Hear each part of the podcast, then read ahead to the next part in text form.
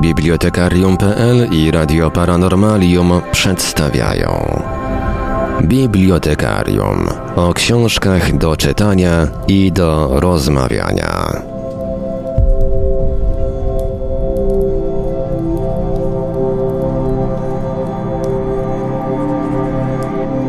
Kończy się nam powolutku piątek.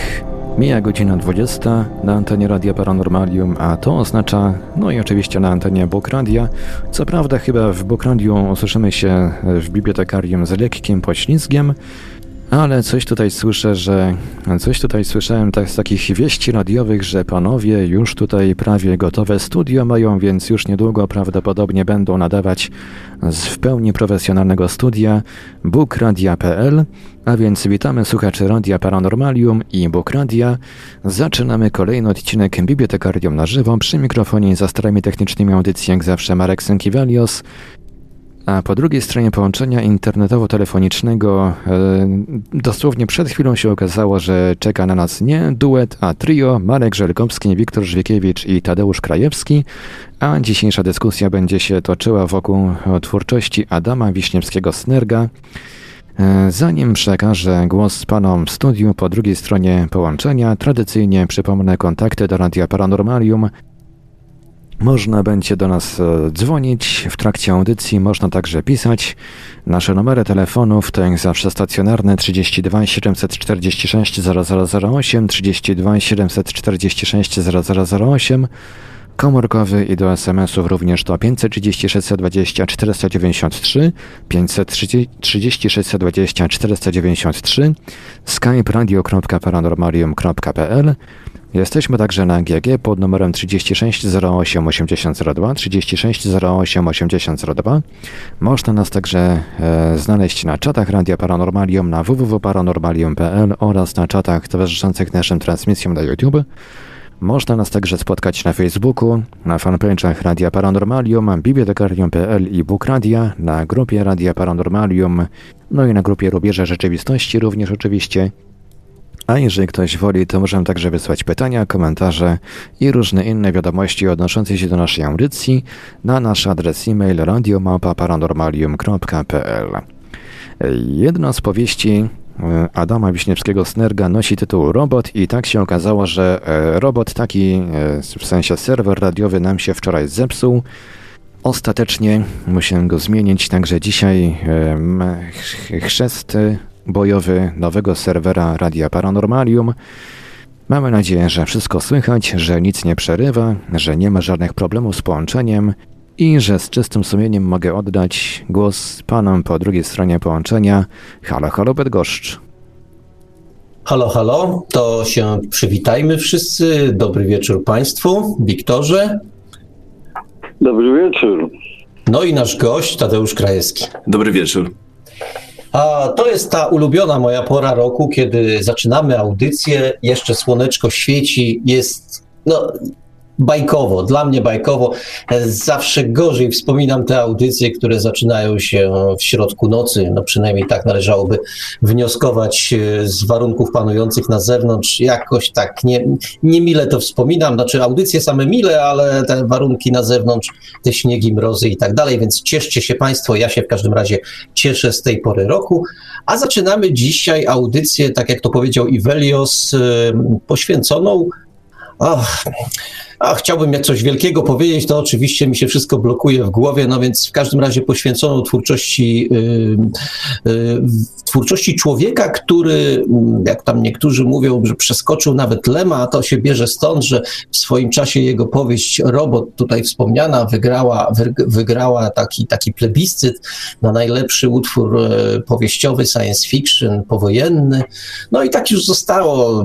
Legenda głosi, że chodziło o to, żeby zagrać na nosie Lemowi Ile w tym prawdy nie wiem, ale fakt jest faktem, że powieść Robot no, nie powinna i nie, nie, ludzie, którzy, którzy czytają tę powieść, są dosyć zgodni, że e, autor nie, nie, nie, nie mógłby mieć kompleksów, jeśli chodzi, jeśli chodzi o swoją twórczość, bo to jest powieść, która zostaje. E, w dodatku no, zawsze zaczynam audycję od tego, od jakiś, jakiegoś swojego wspomnienia.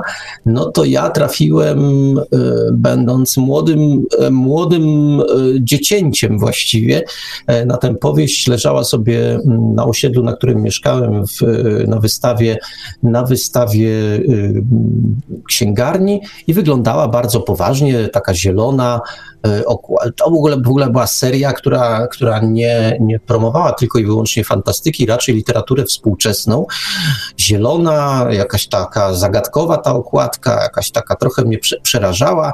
No, długo się wahałem, czy tę powieść w ogóle kupić, no bo robot niby, niby science fiction, ale na okładce nic na, o tym science fiction nie było napisane. E, autor też jakby mi nieznany, to było drugie wydanie e, powieści Robot. Ocenzurowane. Tak, ale drugie, drugie i, i, i no i w dodatku e, jako, jako czternastolatek no, zacząłem lekturę i powiem, że to, było, to była rzecz wstrząsająca, ale ja byłem już częściowo przygotowany na tę lekturę, bo zanim kupiłem to drugie wydanie robota, to y, ukazywała się wówczas taka seria siódemka. Wydawał ją KAF i jedną z pierwszych pozycji w tej siódemce było siedmiu fantastycznych. I tam, y, poza na przykład różnymi, była, by, było opowiadanie Lema, był, był, był, był Boruń y, ze swoim wstępem do ósmego kręgu piekieł, ale były też fragmenty z robota.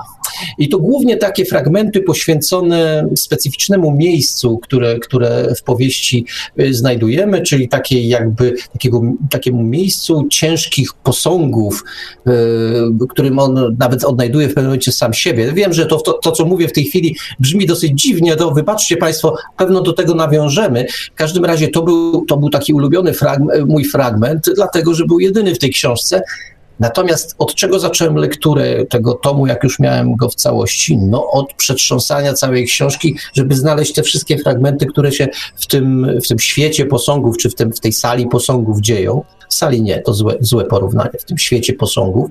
Eee, no ale przy okazji tak czyty, poczytywałem, no i w końcu stwierdziłem, dobra, to czytam. I to czternastolatkowi czytało się bardzo ciężko, ale ja byłem, ja już Państwu o tym wspominałem, byłem nieco sieknięty na punkcie e, tak zwanej trudnej lektury. Im była trudniejsza i trudniej mi się przez nią brnęło, to przez nią brnąłem.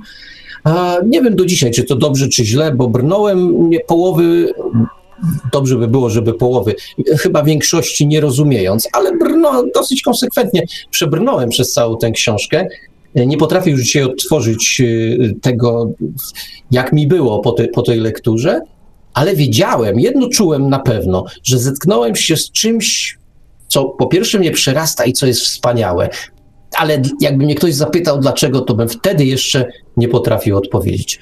To już Państwa skutecznie zagadałem, to teraz dopuszczę do głosu, dopuszczę do głosu, dopuszczę do głosu naszego gościa. No to może ja też opowiem o moim pierwszym spotkaniu z Adamem Wiśniewskim Snergiem. Y, ja miałem wtedy lat 16, e, to było w 1973 roku. Y, podobnie jak Marek, biegałem po księgarniach i szukałem y, fantastyki. No, wtedy było to rzeczywiście zadanie mm, wymagające odpowiedniego przygotowania się, przede wszystkim dużej cierpliwości, szperania pomiędzy różnymi książkami stojącymi na regałach e, księgarni, e, gdyż e, przypomnę, tylko na pewno Marek o tym nieraz mówił, ukazywało się wtedy tak naprawdę może 20-30 pozycji z naszej branży ulubionej rocznie, ale ukazywały się też książki, które były poza seriami, książki gdzieś tam ukryte i, i, i mm, w związku z tym trzeba było czasami przeglądając w księgarni książkę yy, dojść do tego, czy jest to fantastyka, czy nie. Chore to może, bo przecież trzeba było wziąć książkę, która wydawała mi się dobra. No ale taki byłem. Yy, podejrzewam, że nie tylko ja, bardzo wielu yy, moich znajomych, miłośników fantastyki podobnie postępowało. No i oczywiście też przykuł moją uwagę tytuł, Robot, ale wiedziałem już, że ten tytuł nie musi oznaczać fantastyki. Książka to była niebieska okładka.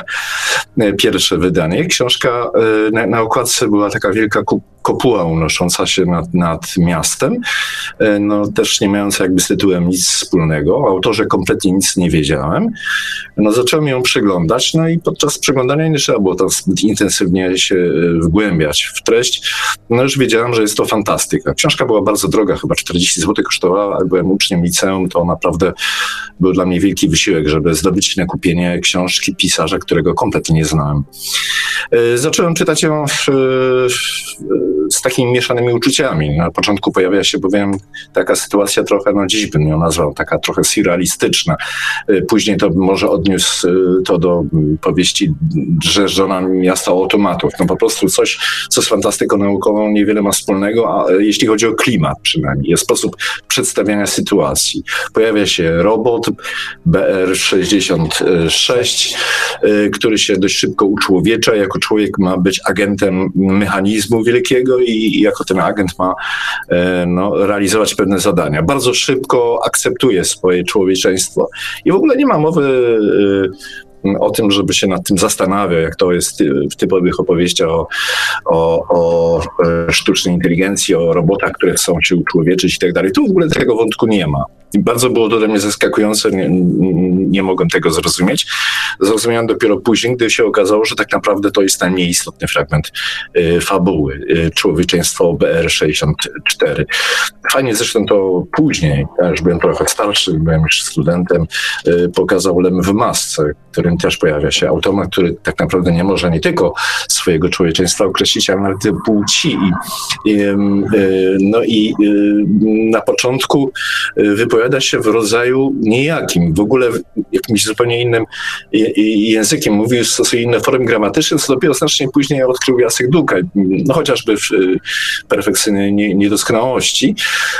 No a mm, u Snerga no, jest podobna sytuacja, tylko że ponieważ książ- treść, fabuła książki nie idzie w tym kierunku, y, w związku z tym Mm, nie okazało się to takie ważne i po jakimś czasie zapomniałem o tym wstępie, który e, absolutnie mi do niczego nie pasował i zagłębiłem się w lekturę, która zaczynała się no, z rozdziału na rozdział robi coraz bardziej wciągająca, nawet bym powiedział sensacyjna, z wypiekami na twarzy. Czytałem tę książkę, nie mogłem się już od niej oderwać, a gdy doszedłem do momentów, nazwijmy to umownie Marku, stricte filozoficznych, e, to po prostu, no właściwie to był pierwszy, pierwszy, pierwszy raz z filozofią się wtedy. I, to taką naprawdę y, przez duże F. Y, nie wiedziałem jeszcze, że Adam Wisiński synek jest filozofem a, amatorem. Zastanawiała mnie tylko wielka y, mądrość pisarza do tego stopnia, że po prostu później no, szukałem jakichś informacji no i absolutnie nie mogłem nigdzie niczego znaleźć na temat pisarza. No i wtedy przyszło mi do głowy, bo znałem już trochę Lema, już jego najważniejsze książki przeczytałem, to znaczy najważniejsze, no, naj, najsłynniejsze, może takie jak Solaris, czy Niezwyciężony, czy Porut z Gwiazd, bo to czytałem już w podstawówce, w ósmej klasie i pomyślałem sobie, że to jest Lem, tylko Lem pod pseudonimem. To wielu tak myślało. Tak, a, a jeszcze wcześniej miałem okazję przeczytać y, chyba y, rok wcześniej, byłem wtedy chyba w pierwszej klasie licealnej, no trudną bardzo lekturę, ale też fascynującą, czyli e, Doskonałą próżnię, e, gdzie są, e, gdzie są recenzje nieistniejących książek. I tak sobie pomyślałem, że może, tak, że może Lem po prostu sobie, sobie napisał wreszcie książkę, której, której, no, której normalnie by się wstydził. Nie chciałby pod swoim nazwiskiem jej wydać. Nie chciał, żeby to był tylko i wyłącznie, żeby to była tylko i wyłącznie recenzja do nieistniejącego robota. No i jeszcze jak zobaczyłem nazwisko, no, no dość pospolite, Wiśniewski, Adam Wiśniewski, pospolite nazwisko, w związku z tym um, aż dziwne, że ktoś yy, yy, takiego nazwiska w ogóle w literaturze używa. Przepraszam wszystkich, którzy nazywają się Wiśniewski, sam się nazywam Krajewski, moje nazwisko też jest pospolite, no ale przyznacie Państwo, że, yy, że tak to jest. No, jak, jeżeli ktoś używa, używa pseudonimu Kowalski-Wiśniewski, to znaczy, że chce nam coś powiedzieć. No i pojawia się oczywiście drugie słowo snerk, którego wtedy nie rozumiałem. Dzisiaj wiem, że jest to suma energii, po prostu taki, taki e, fizyczny e, skrót, który e, autor sobie dodał do, do nazwiska. No to wtedy już w ogóle zacząłem powątpiewać w istnienie Adama Wiśniewskiego Snerga i myślałem, że jest to pisarz, który tak naprawdę nie istnieje, został wymyślony prawdopodobnie przez Stanisława Lema. Zresztą chcę powiedzieć, że później, gdy miałem okazję spotkać się już z innymi miłośnikami fantastyki, z ludźmi, którzy też czytali robota w podobnych okolicznościach jak ja, to przekonanie, no jak się okazuje, jeszcze dość długo dość długo e, pokutowało i, i, no i dość długo też szukano tego prawdziwego Snerga, który jak się okazuje, rzeczywiście przez wiele lat po swoim debiucie powieściowym e, no, no, ukrywał się tak naprawdę. Tak, był osobą nieznaną, dosyć, dosyć skrzętnie chronił swoją prywatność. E, I stąd pytanie do Wiktora, bo ty zdaje się jednak zdecydowanie najwcześniej, znaczy, no ja nigdy, ale Tadeusz nie wiem, natomiast ty znałeś, e, Tadeu, e, znałeś Adama Wiśniewskiego-Snerga, ale zanim ci, cię dopuszczę do głosu, to jeszcze rzut oka na czat, bo o 35 pisze, że ma dzisiaj urodziny, no to życzenia serdeczne od całej ekipy dla naszego, dla naszego wiernego słuchacza. Wszystkiego naj, naj. Tu co prawda była dyskusja. Wszystkiego fantastycznego. Wszystkiego fantastycznego. Była co prawda dyskusja, ile lat należałoby pożyć, żeby, żeby skroić trochę ZUS. No to dyskusję mhm. zostawmy, zostawmy na boku. Wiktorze, teraz ty. No ale te życzenia, a propos tych życzeń jeszcze, no to, e, to nie zupełnie jest słuchacz, bo e, on tyle razy zabiera głos, że właściwie jest Uczestnik, uczestnik, uczestnik zdecydowanie. Nie tylko słuchaczem. No, to prawda. No dobrze. W takim razie, e, jeśli żeście się powynurzali na temat Snerga, to też muszę coś tam powiedzieć.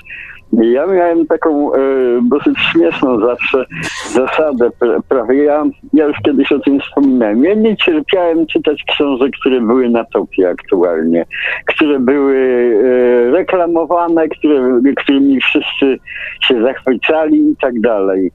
Mm, zawsze takie książki y, odkładałem na później. Jak ta wrzawa ucichnie, jak będzie można sobie spokojnie poczytać. I mniej więcej tak samo y, postąpiłem z pierwszym wydaniem Sznerga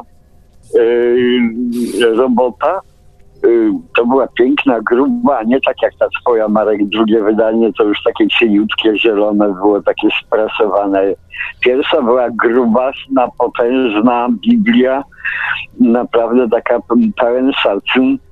No i odłożyłem ją sobie na półkę, zerkałem przez dłuższy czas, to chyba jakieś prawie półtora roku minęło, zanim się zabrałem za lekturę, jak już, e, jak już właściwie tam te, te wszystkie mm, burze w związku z tym pojawieniem tej książki przeszły, minęły, chociaż one nigdy nie minęły tak naprawdę. No i no, czytałem ją, przeczytałem i Pamiętam jedną rzecz, nie będę się tak wewnętrzna, na, na ile e, ona mi dopasowała do mnie, natomiast ja pamiętam, że wtedy miałem taką, takie skojarzenie wpadłem na takie przemyślenie, zacząłem przemyśliwać w ten sposób, że pisarze science fiction się dzielą właściwie na dwa odłamy. Jedni to są ci, którzy rękami i nogami czerpią garściami y, z tego, co, y, co współczesność, że tak powiem, oferuje ze stanu nauki, z, z, z filozofii, techniki, czegokolwiek, ze świadomości o, o aktualnej na temat wszechświata. No i na tej bazie, że tak powiem, budują jakieś swoje rzeczy. To to jest większość pisarzy. Ja też raczej się do nich zaliczam. I, i do nich bardziej się zaliczał również Stanisław Len który żył e, aktualnym stanem świadomości naszej cywilizacji, że tak powiem. Nawet jeśli zdecydowanie daleko wyskakiwał e, poza e, te ramki. Natomiast jest jeszcze rzadki gatunek takich wizjonerów, którzy, których niespecjalnie obchodzi y, stan aktualny nauki, wiedza. Y, tak, oni to wszystko mają czasami w małym palcu, natomiast to wszystko stanowi tylko i wyłącznie taki przyczynek do ich własnych rozważań na temat, na ten temat mają w nosie Bogiem naprawdę ten stan ogólnej wiedzy, tylko na tej bazie budują swoje wizje, tworzą swoje wizje. No i właśnie yy, ja takie, kiedy czytałem robota, to doszedłem do wniosku, że właśnie Snerk Wiśniewski jest kimś takim. Jest kimś, kto, kto po prostu tworzy swoje, nie oglądając się e, na, na, żadne, na żadne schematy, na żadne tendencje i tak dalej. Bardzo dziwnie, bo można, można to protestować, natomiast bardzo podobnie odbierałem robota troszeczkę jak, jak niektóre powieści czy opowiadania Ballarda.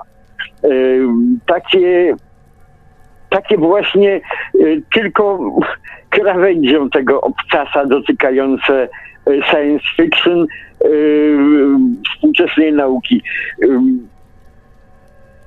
Czasami ja powiem o to, że wolę twarde, normalne hard science fiction, ale, ale cenię sobie również takich, takich właśnie pisarzy filozofów trochę.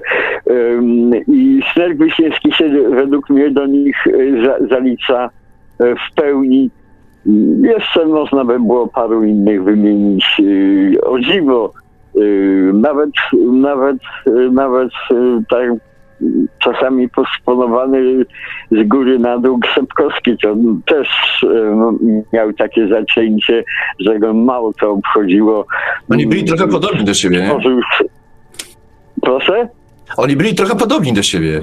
Krzepkowski i Sner. Tak, Mhm. Tak, tak. To podobne jak, jakby tendencje i charaktery i, i w ogóle charaktery to już zdecydowanie bardzo podobne do siebie mieli.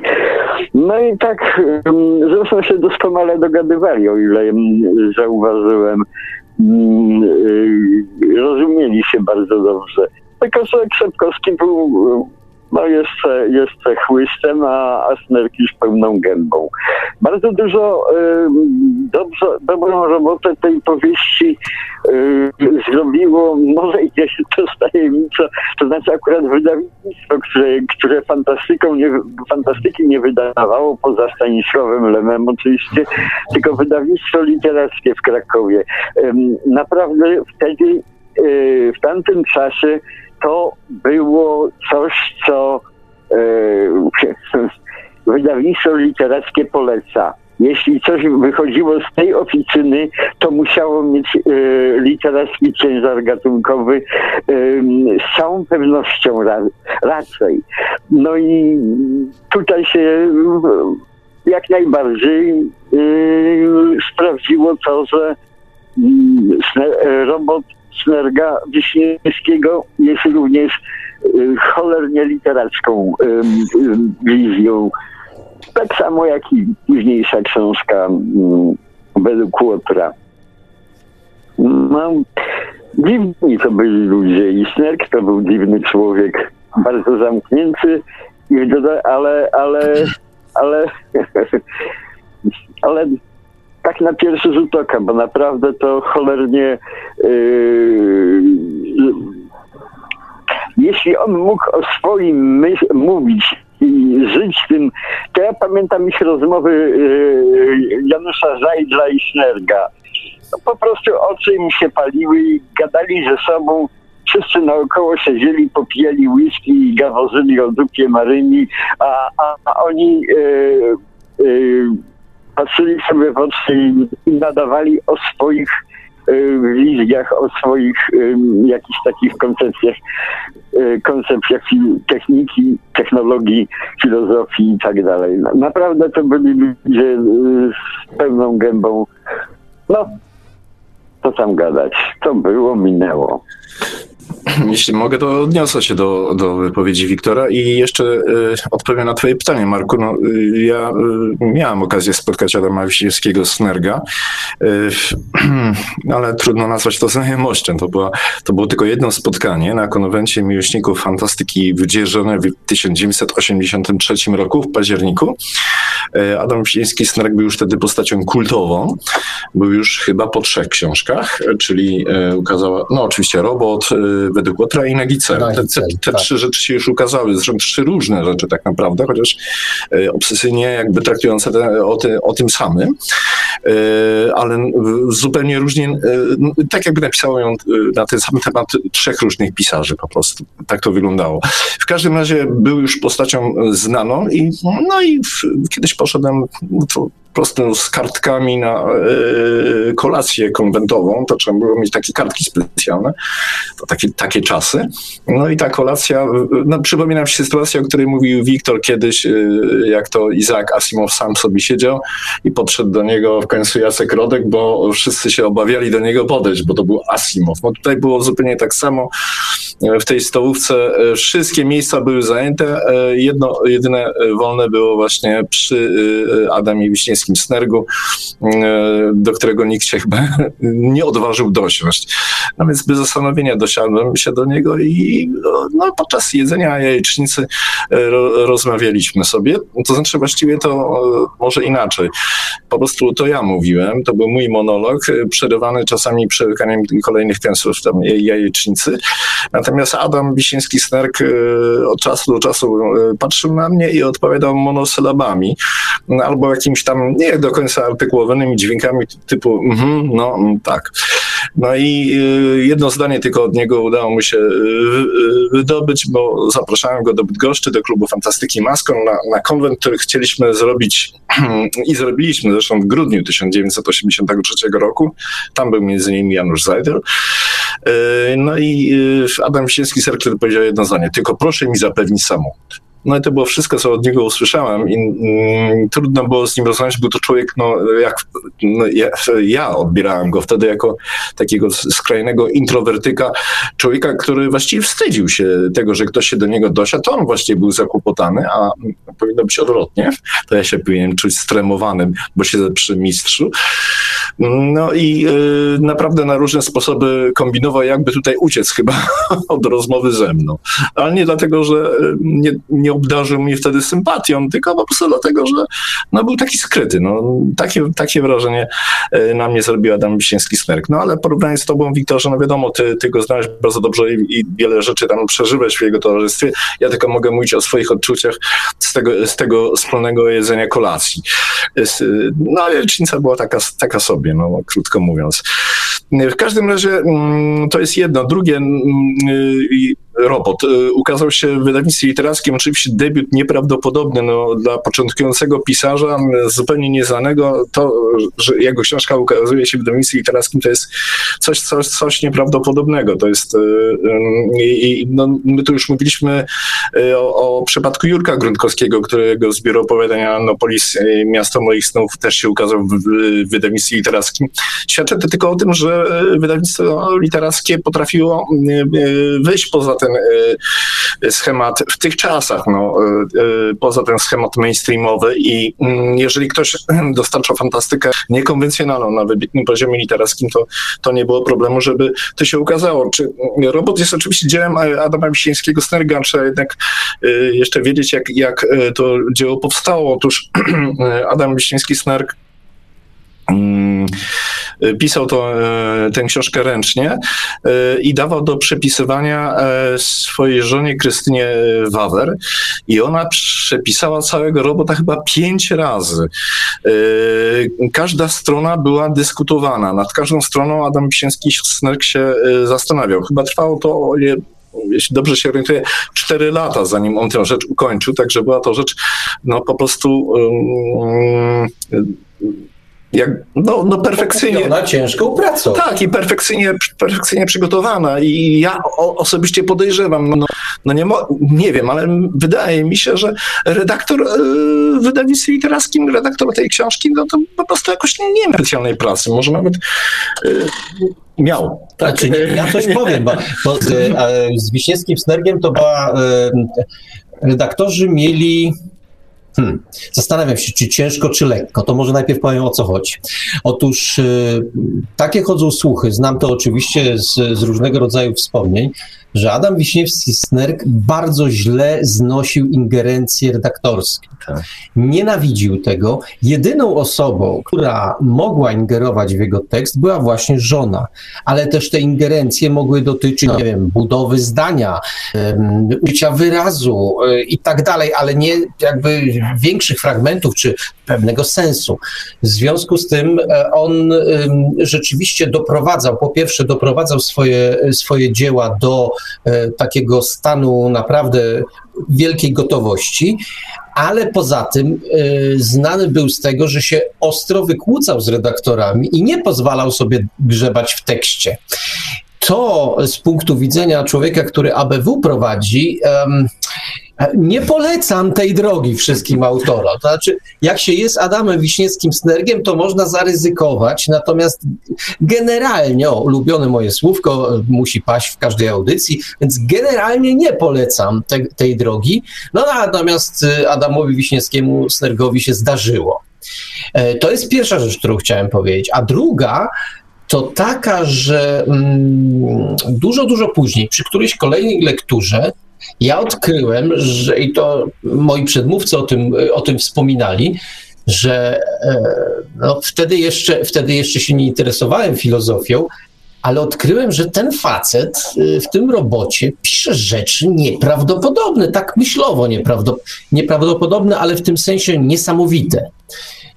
E, będziemy o tym pewno dzisiaj mówić, o nadistotach i w ogóle, i w ogóle, ale ten facet pisał jakby jego, jego sposoby przedstawiania różnych problemów były takie, że one mi się nie mieściły w głowie. No ja rzucę pierwszy z brzegu przykład. To był facet, który między wierszami, a właściwie bardzo wprost mówił, że coś takiego jak wolna wola, to w przypadku robota, nie istnieje. Że wszystko jest zaplanowane, jest mechanizm, wszyscy właściwie odgrywamy pewne role w tym teatrze i taka jest nasza rola, żeby te role odgrywać. Y, nie ma wolnej woli, nie istnieje no to przyznacie Państwo, dla człowieka, który e, obraca się w jakiejś takiej bardzo racjonalnej, ale codziennej cywilizacji, który mówi sobie, wszystko zależy ode mnie, pójdę w prawo, w lewo, albo gdzieś sobie jeszcze indziej w inną stronę pójdę, e, wydaje mi się, że wydaje mi się, czy wydaje nam się, że mamy wolną wolę i to jest oczywista oczywistość, nagle taka teza pada. E, co więcej, ona z punktu widzenia tego świata powieściowego jest jak najbardziej uzasadniona i człowiek mówi sobie: Wow, tak o tym nigdy nie myślałem.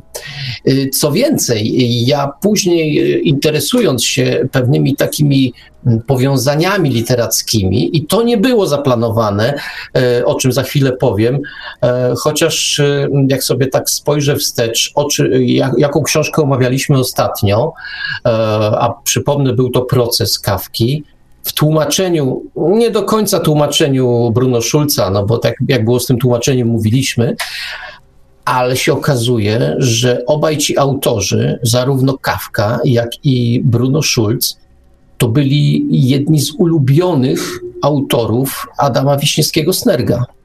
Przypadek? No, nie sądzę, że, że powiem sobie z takim starym, starym grepsem, ale coś w tym jest, że w ostatniej audycji mówiliśmy o kawce, a tutaj jest Adam Wiśniewski-Snerk, który tego kawkę ukochał. Co więcej, już badacze literaccy pochylali się nad opowiadaniami y, autora Adama Wiśniewskiego-Snerga i, i szukali różnych takich y, trudno mówić o zapożyczeniach, pewnych takiej, pewnej takiej inspiracji, czy pewnego takiego nawiązania i znaleźli zarówno nawiązania do opowiadań y, Franca, Franca Kawki, jak i do jego powieści no to, to jest moim zdaniem y, też ważna rzecz, żeby, żeby taka literatura y, nie była tłuczona na zasadzie takiej, że właśnie wszystko wymyślam od początku.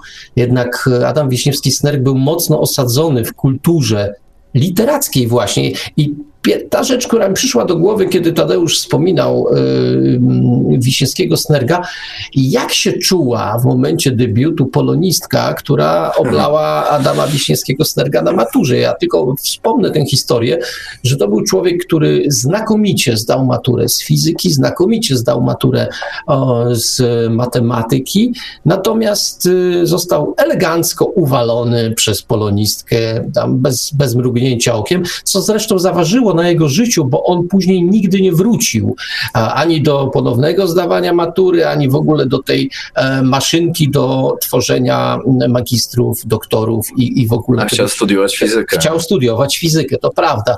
E, mówiąc tak dzisiejszym językiem, olał ten system i, i zajął się czymś zupełnie innym. Okazuje się, że ta polonistka to musiała być osoba, która, nie wiem, chyba nie lubiła po prostu. Nie, żartuję, proszę Państwa, to oczywiście nie dowiemy się tego dzisiaj, y, co tak naprawdę powodowało y, polonistką Adama Wiśniewskiego-Snerga. Fakt jest faktem, że taki nauczyciel potrafi człowiekowi życie mocno odmienić. Ty, Wiktorze, coś na ten temat? No nie wiem, e, e, jak, jak patrzyłem na Snerga, to zawsze mi się śmiać chciało, że ludzie się dzielą na ludzi, ludziska oraz umysły. Mm, e, I Snerg to był właśnie taki chodzący umysł, czysty umysł, nic go właściwie nie, nie obchodziło, a rzeczywistość, on miał swój umysł i w tym umyśle miał, miał świat, którym, który który sobie sam zbudował, że tak powiem, kształt tego świata, e, a nie ten świat, w którym był, że tak powiem. On miał własny świat. No i czy słusznie, czy to troszeczkę e, troszkę, mm, że tak powiem, paranormalne, ale, ale tym niemniej tak to, tak to było. Ja w każdym bo my tak bardzo mocno przeginamy pałę ja, cholernie lubiłem Snerga. To był naprawdę, i on się dawał lubić. E, jeśli się nie chciało koniecznie e, włazić mu na głowę, że tak powiem, i, i koniecznie oczekiwać serdeczności i, i pełnych e, z tego powodu umizgów jakichś to, towarzyskich. Z nim należało zupełnie rozmawiać tak, jakby jakby świat nie istniał, tylko, tylko tym światem był on, no i ten, kto z nim rozmawia. Wtedy się bardzo fajnie z nim można było porozumieć. Tylko dodam, myślę, jeszcze do tej matury można y, na chwilę wrócić. Mm, chyba wiem, dlaczego y, Snerko oblał maturę y, z polskiego. Jak wspomina Krystyna Wawer, to on, jak się uczył do matury, to w ogóle jak, jak się uczył czegokolwiek, to wyznawał takie dwie zasady, że pierwsza to mm, nie zaśmiecać sobie głowy niepotrzebnymi sprawami, drugie, druga, no, uczyć się tylko tego, co, co naprawdę jest mi potrzebne potrzebne i, i, i co jest dla mnie ważne. Nie? To są takie dwie zasady i te zasady chyba podczas przygotowania mm, do matury z języka polskiego, znaczy on z nich y, nie zrezygnował. Właśnie Krystyna Wawer mówi, że y, był człowiekiem tak wiernym swoim zasadom, które sam stworzył, że y, w związku z tym mm, nawet zapłacił za to taką wysoką cenę, jak to, że nie mógł studiować, bo studia, studiowanie fizyki było jego marzeniem. Czyli krótko mówiąc, wiem, jak, jak wyglądała edukacja i nie wiem, jak to dziś, bo już od dawna nie ma nic wspólnego z oświatą. Myślę, że podobnie jest dzisiaj, czyli w przypadku humanistyki, więc zaśmiecanie, zaśmiecanie rzeczywiście głów y, y, uczniowskich y, zbędnymi informacjami, datami urodzin, śmierci, y, jakimiś szczegółami dotyczącymi życia pisarzy, które nie mają y, większego wpływu na mm, interpretację ich tekstów. Sterk raczej się tym zajmował. Miał swoje swoje widzenie poezji, literatury i o tym e, na pewno z Polińską chciał rozmawiać, a nie gdzie, kiedy i w którym roku ktoś coś zrobił, bo to była dla niego wiedza e, zbędna. Zresztą Snerg w ogóle miał zazwyczaj można go za to podziwiać i chyba mi się wydaje, dlatego w sumie w życiu no, przegrał. Popełnił samobójstwo, więc chyba raczej mm, można uznać, że, że, że przegrał. E, ale właśnie dlatego, że chyba cały czas do końca no, żył zgodnie z, z tym, co sam e, sobie ustanowił. Może nie postanowił, tylko ustanowił i, i, i, uznał za, za, za obowiązujące. Najlepiej świadczy o tym jego historia e, chyba z wojska, wojska, którego nienawidził i o którym, no i który po prostu sam pobyt w wojsku był dla niego potwornym koszmarem, ale tak naprawdę był w tym wojsku przez 15 dni. 15 dni koszmaru, a po 15 dniach e, Adam Wiśniewski-Snerk postanowił e, wpaść w stupor, stać tylko i wyłącznie. Więc w związku z tym nie można było z nim nic zrobić. On stał. Nie ruszał się ani w lewo, ani w prawo. Nie wiadomo na ile była to jego gra, na ile e, naprawdę zmusił swój organizm do tego, żeby nie zmieniał pozycji. Także w pewnym momencie, żeby gdzieś tego żołnierza tam za, zaprowadzić, to musieli go przenosić. Po prostu Snerga musieli normalnie przenosić i w końcu tam natrafił się jakiś kapral, który tam no, w, tym, w kilku ciężkich słowach usiłował doprowadzić go do y, normalnej postawy, ale to było niemożliwe. Było widać, że tutaj psychika jakby y, króluje nad ciałem. No i wtedy przy, Snerga przerzucono gdzieś tam do jakiegoś baraku, w którym miał się zajmować y, no, co jest ciekawe, biblioteką, literaturą, takimi sprawami. No i wygrał. Zaczął wracać do normalności i, i z tego, co, co, co e, Krystyna Wawerośnie mówiła, no przeczytał tym, tam bardzo dużo bardzo dobrych książek, e, które gdzieś tam zalegały na półkach e, tej biblioteki. To takie marginesie. No to znaczy, że czasami wierność własnym zasadom prowadzi do, mm, paradoksalnie do, do, do, do klęski, a czasami wierność własnym zasadom prowadzi do niesamowitych zwycięstw, do osiągnięcia czegoś, czego, co normalnie po prostu nie można byłoby brać pod uwagę. No jak to, stać w miejscu, nie ruszać się i w ten sposób mieć wojsko z głowy? Tak, udało mu się. No, znaczy, nie dosłownie, ale to, co najgorsze mogło go czekać w wojsku, udało mu się yy, ofajkować. Nie? To tak na marginesie, jeśli chodzi o, o zasady, jakie wy, wyznawał Snerk. Mój, mój yy, przyjaciel Łukasz Nalewek, który napisał pracę yy, magisterską o życiu i twórczości, no właściwie może nie o życiu i twórczości, o twórczości Adama Wisielskiego Snega.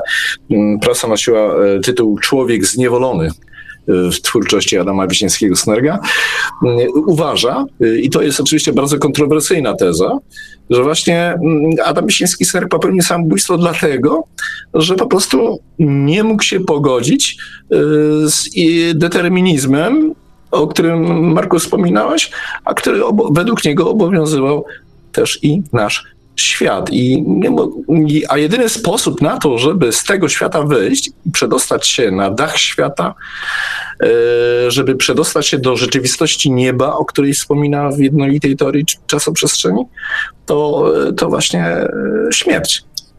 Tak, ale warto też podkreślić, że mm, to niebo e, Adama Wiśniewskiego-Snerga E, nie miało nic wspólnego z wyobrażeniami religijnymi. Tak. To był człowiek, który no, był jak najdalszy od, od takiej wizji świata. E, on bardziej stawiał na to, że chociażby, no tu trzeba w tym momencie powiedzieć o, o tej teorii nadistot, bo on tak to mniej więcej widział, że są kolejne piętra, e, tak jak pies nie dostrzega w nas y, naszego umysłu, tylko raczej inne zwierzę. Nie zdaje sobie sprawy, że gdzieś tam w nas drzemie umysł. Tak my, no tam to, on to wyprowadza od roślin, czy od minerałów. Od, od, minerałów. To, od minerały to jest ten tak, to jest poziom zerowy. zerowy. I on mówi o tym, że y, tak naprawdę tych Y, kolejnych pięter może być bardzo, bardzo dużo, bo nad nami gdzieś też są istoty. One się zresztą w robocie pojawiają, te nadistoty. One się żywią jakby tym, co, co, co wyciągnęły z ziemi, znaczy wyszarpnęły pe, pe, pewne miasto. No, mamy do czynienia z bunkrem, z, z, ze schronem, który, który gdzieś tam na takim kawałku skały podróżuje gdzieś przez wszechświat, a y, te nadistoty jakby ciągnęły, no nie, nie w takim pojęciu wampirycznym, nie, nie sprowadzajmy tego do, do, te, do tego rodzaju wizji, nie, ale one wyciągają z nas, y, z nas pewne, y, pewną energię, no tak, zostańmy na tym pojęciu, ale one też są w jakimś tam stopniu śmiertelne, też mają swoje nadistoty. I czy jest gdzieś e, granica tego, tego, tego stopniowania? E, na to pytanie nie znajdujemy odpowiedzi, ale e, gdzieś tak, jeżeli podążymy tą drogą, to uświadomimy sobie, że gdzieś tam, na którymś etapie są istoty, które my ze swego punktu widzenia powinni, powinniśmy uznać za boskie, niemal z naszego punktu widzenia. Poza tym, co, na co jeszcze zwraca się bardzo często uwagę, bo mm, Adam Wiśniewski-Snerk, no, mówi się o fantastyce naukowej, zresztą duży ten, y, w różnych jego książkach, y, w zależności czy to robot, czy na przykład w nagim celu, ta nauka się pojawia, nieco mniej jest w, według Łotra, jest, ale ta wizja świata jest w gruncie rzeczy, pomimo, że to są tak różne książki, mówiłeś o tym Tadeuszu, że jakby różni pisarze pisali te książki. No jest jeszcze Arka, która tak, jest, to już jest, już, jest jednolita teoria czasoprzestrzeni jeszcze, która podbudowuje te, te, te, wszystkie, te, te wszystkie książki. Są później książki, które prawdopodobnie y, on ich nie, nikt nie przewidział, że będą wydane, czyli Oro i, i, i jeszcze... No ja mam takie podejrzenia, no jeśli można teraz tak, trącić, tak. że po prostu są, są to jakieś książki napisane przez Snerga, gdy miał lat 14-13. Ale tam się już daje znaleźć to, co będzie później w jego twórczości. Tak, jak na dzieciaka, który to napi... No to, to naprawdę były to bardzo fajne rzeczy, ale no, no proszę Państwa, o, odradzamy czytanie. Nie? Tak, no zdecydowanie. Bo, bo wydano je pośmiertnie i uczyniono tym samym wielką szkodę pisarzowi. No tak, y, tym bardziej, ale wrócę jeszcze do tego. Ta, ta, ta, wizja świata, którą on przedstawia, ona w gruncie rzeczy, y, pomimo że to są różne powieści, różna jest ich poetyka, to ona jest dosyć spójna mimo wszystko. No, nie wszędzie się no, oczywiście nadistoty pojawiają, ale pewien obraz tej, tej rzeczywistości. To nawet w opowiadaniach, no, znacie Państwo na pewno tę historię sporu, czy e, anioł przemocy to jest, e, to wachowscy się na nim wzorowali, czy nie wzorowali, awantura wielka na cały świat. No ale to, tam robot też w tym uczestniczy. Tak, robot tam też, te, też są wątki, no, wątki właśnie, które można by można by wykorzystać w Matrixie. No już wiecie Państwo, no chociażby to, jak wygląda w drugiej i w trzeciej części y, ten świat, w którym chronią się ludzie. To też jest właściwie y, rodzaj schronu, bunkra, czy jakkolwiek to nazwiemy. To już chociażby, chociażby to. W każdym bądź razie, jeśli chodzi o wizję świata, którą przedstawia, to już sygnalizowałem, ten determinizm, który, co więcej, tam się dzieje coś takiego u niego, że mówiłem o tej boskości, właściwie braku tej boskości, u niego jakby zatraca się, to może te, to ta fascynacja fizyką, ale u niego zatraca się ta ten podział na energię, materię, na y, wizję, to wszystko jakby zlewa się. Zresztą dlatego nie bez przyczyny wspomniałem o jednolitej teorii czasoprzestrzeni. To własnym nakładem książka wy, wydana, to się chyba to wydawnictwo Pusty Obłok nazywa. Tak, tak, tak, tak. Pusty Obłok. W każdym razie to, y, to jest, znaczy, zostało gremialnie potępione przez środowisko naukowe, w ogóle odsądzono czci i wiary, no bo on tam właściwie robił coś, co robi dziś współczesna fizyka, co od dawna zresztą fizyka robi. Chociażby no, jako, jako pasjonat fizyki musiał o tym przecież wiedzieć, wiedział to na pewno, że różnica pomiędzy materią a energią, no to już Einstein y, w swoim wzorze sformułował, jak, jak to się ma do siebie i że właściwie ta różnica jest płynna, czy coś jest energią, czy jest materią, czy jedno w drugie może przechodzić i tak dalej, i tak dalej. Ten jego świat, on nie, co jest ważne u Wiśniewskiego Snerga? Wiśniewski Snerg daje pole y, naszej wyobraźni. On nie dopowiada pewnych rzeczy, on uruchamia naszą wyobraźnię. Podrzucając pewne materiały wyjściowe, y, on mówi, no a teraz, szanowny czytelniku, myśl. Myślenie nie boli, y, raczej, raczej uszlachetnia, no to się zajmij tą szlachetną czynnością. Tak bym to widział. Wiktorze, co ty na to? No, dużo by można mówić, ale yy, nie wiem. Yy, kiedyś nasz przyjaciel Marek Żelkowski miał taką uwagę na temat systemu ptolemejskiego, yy, że przecież on się kiedyś doskonale sprawdzał, prawda Marku? Tak, to prawda. Znaczy, na, jego na jego, on się sprawdzał, bo na jego podstawie przewidywano zjawiska, które rzeczywiście działy się na niebie. No właśnie. E, otóż ja mam takie wrażenie, że można takich, takie koncepcje, jakieś wielkie budować budować bardzo skomplikowane systemy indywidualnie, że tak powiem, które właściwie wszystko tłumaczą. I Snerg Wiśniewski był takim autorem właściwie jednej wizji, jednego pewnego światopoglądu, pewnej yy, czegoś, co on, w co on uwierzył, w co on yy, yy, czemu oddał właściwie całe swoje życie. I on wydaje mi się, że popełnił jeden popełniał cały czas jeden błąd Otóż ten, o którym ja mówię, że można takie, takie systemy, które się nawzajem wykluczają, mnożyć w nieskończoność. A co z tego wynika? nic nie wynika. No po prostu yy, to są pewne konstrukcje, pewne, pewne piramidalne yy, wizje, które możemy stworzyć, gdzie się wszystko sprawdza, wszystko się zgadza i tak dalej. Tylko, że w tym czasie gdzieś na Alasce ktoś może stworzyć yy, zupełnie inną wizję świata, w której też się wszystko zgadza, chociaż zupełnie nie uwzględnia dajmy na to tej smergowej wizji. E, on oddał swoje życie właściwie tej swojej wizji, przywiązał się. Być może dlatego był również genialny w ramach tej swojej wizji. Nie wiem.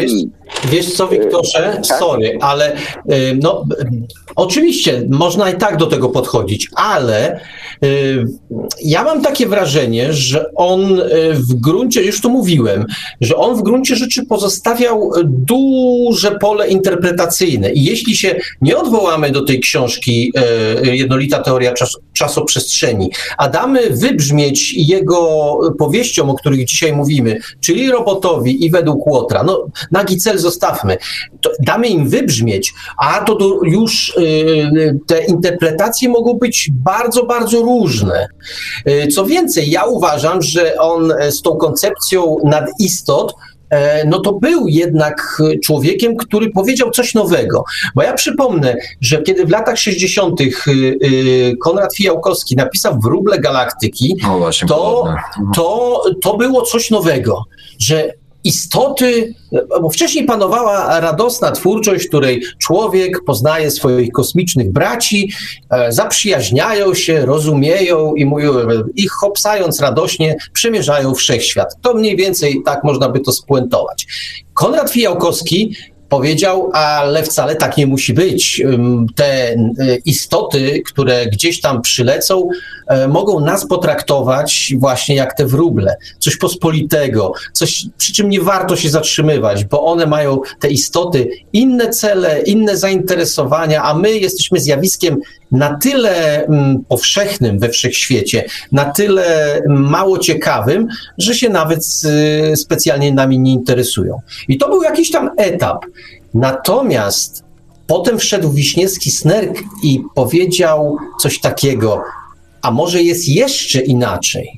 Może, e, bo, bo u Konrada Fijałkowskiego to my, jako ludzkość, przynajmniej te istoty jeszcze widzimy. One nie zwracają na nas uwagi, ale my je jeszcze dostrzegamy, jesteśmy w stanie je rozpoznać.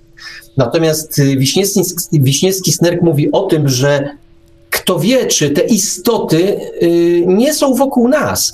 Y, tam, a propos takiej, takiej, takiej horrorowatości troszeczkę tego, co pisał Adam Wiśniewski-Snerk, y, tam pada takie zdanie w komentarzach do jego twórczości, że to być może zboża nas hodują, bo my nie jesteśmy w stanie rozpoznać przejawów tego bycia nad istotą i nie wiemy, co tak naprawdę, my, my tych istot po prostu nie widzimy, nie jesteśmy w stanie, my widzimy jakieś przejawy ich działalności, ale nie potrafimy zestawić, zestrzelić tego, tych, tych różnych przejawów w jeden jakiś taki logiczny ciąg, który powie nam, o, właśnie się nam objawiła nadistota.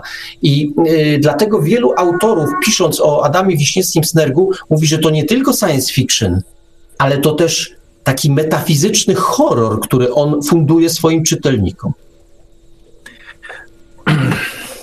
Wspomniałeś o wróblach galaktyki, no, na pewno warto jeszcze wspomnieć o pikniku na skraju drogi strugarskich, no, gdzie traktowani jesteśmy jako taki jeden wielki śmietnik. Po prostu kosmici y, zostawiają tutaj y, swoje śmieci i nie zwracają w ogóle uwagi na to, że istnieje y, nasza cywilizacja, no, a te, te śmietniki, które zostawili, no, my nazywamy strefami, w których dzieją się... I radośnie eksploatujemy. Tak, oczywiście. A, ale kontaktu z nimi nie ma, chociaż oczywiście tak jak u Fiałkowskiego, u Strugackich również oni nas tam dostrzegają, tylko że po prostu nie mamy dla nich żadnego znaczenia. U Snyga rzecz jasna jest zupełnie inaczej, Snyg poszedł y, dalej. Jeśli chodzi o teorię y, jednolitej czas, jednolito, jeśli chodzi o jednolitą teorię czasoprzestrzeni, no i ja sądzę, że po prostu Snerk napisał tę książkę, bo nie wiedział, że nie można takiej książki napisać po prostu. Stworzył tę teorię, bo nie wiedział, że nie można i te, słusznie Marku zauważyłeś, że dopiero teraz się okazuje, że to nie jest stek bredni, jak, jak mówiono o, o, o tej no, broszurze w sumie, bo to jest książeczka, cienka. tak, cienka książeczka, której, której po prostu są tylko i wyłącznie wyliczenia przedstawione, ale jest bardzo ważny wniosek końcowy, właśnie y, oparty o te wyliczenia i on brzmi tak, tak naprawdę żyjemy w rzeczywistości nieba. A y, co z tego wynika? No więc y, te postacie, które są w tej rzeczywistości naszej, umownie ją tak nazwijmy, to są tak naprawdę y, pionki, figury, y, to są postaci z gry, czyli krótko mówiąc, ci, którzy są w rzeczywistości nieba, to są y, prawdziwi gracze, a my jesteśmy tylko i wyłącznie tutaj aż do zużycia. W jakiejś grze uczestniczymy kierowani przez prawdziwych nas, którzy są zupełnie gdzie indziej. Ta rzeczywistość nie ma, tak, zgadzam się z, z Tobą, Marku, oczywiście nie ma tutaj e, najmniejszym stopniu znaczenia religijnego. Chodzi tylko po prostu o to, że Mm, jest to ta rzeczywistość, najbardziej metafizyczne ujęcie rzeczywistości mm, pozamaterialnej, rzeczywistość nieba. No tak, tak to naz nazwał Snerk, zresztą on bardzo lubi te duże wysokości, w jakim celu mamy dach świata, więc żeby tak naprawdę uczestniczyć w prawdziwej rzeczywistości, a nie tylko w grze, której y, uczestniczymy tutaj, w naszym świecie, to trzeba się znieść aż na dach świata y, i trzeba, podobnie jak w Incepcji, zginąć. Trzeba y, zostać zabitym, żeby się tam znaleźć. Czyli krótko mówiąc, mm, Snerk przewidział bardzo wiele rzeczy, które później w popkulturze fantastycznej się masowo objawiały. No pierwsza reakcja to oczywiście e, e, e, Matrix i tutaj no, oczywiście nie będziemy wnikać teraz może w to, na ile tam rodzina Snerga postąpiła dobrze i mądrze, pozywając braci Wachowskich no i o to, że, że, że splagiatowali pomysły Snerga, no ale przy, przypatrzmy się tym pomysłom niektórym. Więc w robocie mamy głównie na początku chyba o to poszło. W robocie mamy taką scenę, no chyba właśnie z tego fragmentu twojego ulubionego, w którym mm, y, y, w którym mm, właśnie BER 64 66 66, przepraszam, zawsze mówię 64, nie wiem czemu. Więc BER 66 podchodzi do pocisku, bierze tak. go w palce i dzięki temu, że go odsuwa, odrzuca, po prostu nie dochodzi do zabójstwa. E, no, przypominamy sobie oczywiście taką samą, dosłownie identyczną scenę w Matrixie, gdzie Neo łapie pocisk e, e, wystrzelony przez agenta Smitha w paluchy i go sobie zrzuca na podłogę. Też agent Smith nie może go zabić, ponieważ Neo znajduje się już w innej, mm, po prostu on odkrył inne prawa. Inne prawa, które oczywiście odkrywa też bohater robota. To była pierwsza sprawa. Druga sprawa to anioł przemocy, opowiadanie, w którym faktycznie pokazani są ludzie hodowani przez maszyny i faktycznie ta ich fizjologia jest wykorzystywana do tego, żeby czerpać z ich umysłów. Czyli krótko mówiąc, ten, ten, ten, ten, ten to, ta wielka farma Matrixie pokazana, makabry, taka makabryczna właśnie, no bo no, to też taki moment horroru i to takiego, bym powiedział już, e, no, e, globalnego, to, y, to, to, to wszystko, to, to, to rzeczywiście było wcześniej y, w opowiadaniu Anioł, Anioł Przemocy Adama Wisińskiego-Snerga, a ponieważ opowiadanie Adama Wisińskiego-Snerga znalazło się w zbiorze opowiadań, w którym amerykańskim, amerykańskiej antologii, w której również był Johnem Mnemonik Gibsona. No. Tak, no i to, to, to wszystko zaczęło jakoś tam się zgrywać no i w związku z tym postawiono sprawę o, e, o plagiat, jeśli chodzi o braci Bachowski. Czy to prawda, czy nie, ale trzeba przyznać, że, że to bardzo ważna postać w polskiej literaturze science fiction Marek Oramus jak najbardziej y, walczy cały czas o to, żeby, żeby uznać, że tak naprawdę e, twórcą wielu pomysłów z Matrixa jest Adam Misiński Sner, przynajmniej pierwszej części. A jedną jeszcze rzecz mi przypomniałeś, bo przecież w robocie też jest ta sytuacja, że oni trafiają, no trudno mówić o, na dach, o ale wychodzą jakby z tego, tak, z tego tak. punktu. I tam też się okazuje, że oni w tym, w tym schronie są też hodowani jakby tak. przez te nadistoty, też dla, dla pewnych Mhm. celów y, znanych tym, y, tym Czy przez mechanizm, czy, czy przez... no tak, ale generalnie chodzi o to, żeby z tych ludzi coś tam wyssać. No nie dosłownie, nie wampirycznie od razu. Od razu Nie, mówię. oczywiście no, na taki poziom Adam Wiśniewski nie schodzi. Nie, no. E, chodzi. To jest jeszcze bardzo ważne przy tej teorii tej, tej wielopiętrowej nad istot. Na samym końcu, m, przynajmniej tym, który my znamy, tak, są umysły, ale umysły, żeby mogły, umysły są własnego najważniejsze. On nie mówił ludzie, tylko umysły. Umysły potrzebują naszej fizjologii, Tak. nasze, O, naszej o, cielesności. Dokładnie, dokładnie. Tak, żeby, żeby mogły funkcjonować. Czyli krótko mówiąc, znów kłania się Matrix. Matrix. Także jest to, do, e, no, tak jakby się poważnie na tym zastanowić, to nie jest aż takie bezpodstawne. Ale jedyne, jedno, co na pewno dobre wypłynęło z tego wszystkiego, to to, że dzięki temu zamieszaniu e, Adam Wiśniewski-Snerk e, stał się jeszcze troszkę bardziej znany, chociażby, chociażby tam e, za, za, za oceanem. Wiktorze, ja słyszę, że coś Jeśli- powiedzieć. Tak, e, koniecznie muszę się wtrącić w tę dyskusję. Otóż ja miałem przyjemność dwukrotnie spotkać się z braćmi Wachowskimi. E, I teraz mm, cóż mogę powiedzieć? Otóż ja nie znam angielskiego, to znaczy znam angielski doskonale, w miarę rozumiem i tak dalej, posługuję się w komputerze perfekt e, tym językiem, natomiast e, nie mówię w tym języku i z mowy niewiele rozumiem. No, no, no to jak sobie poradziłem rozmawiając w rozmowie z braćmi Wachowskimi, wtedy to jeszcze byli młodzi bracia, rzeczywiście, a nie siostrzyczki.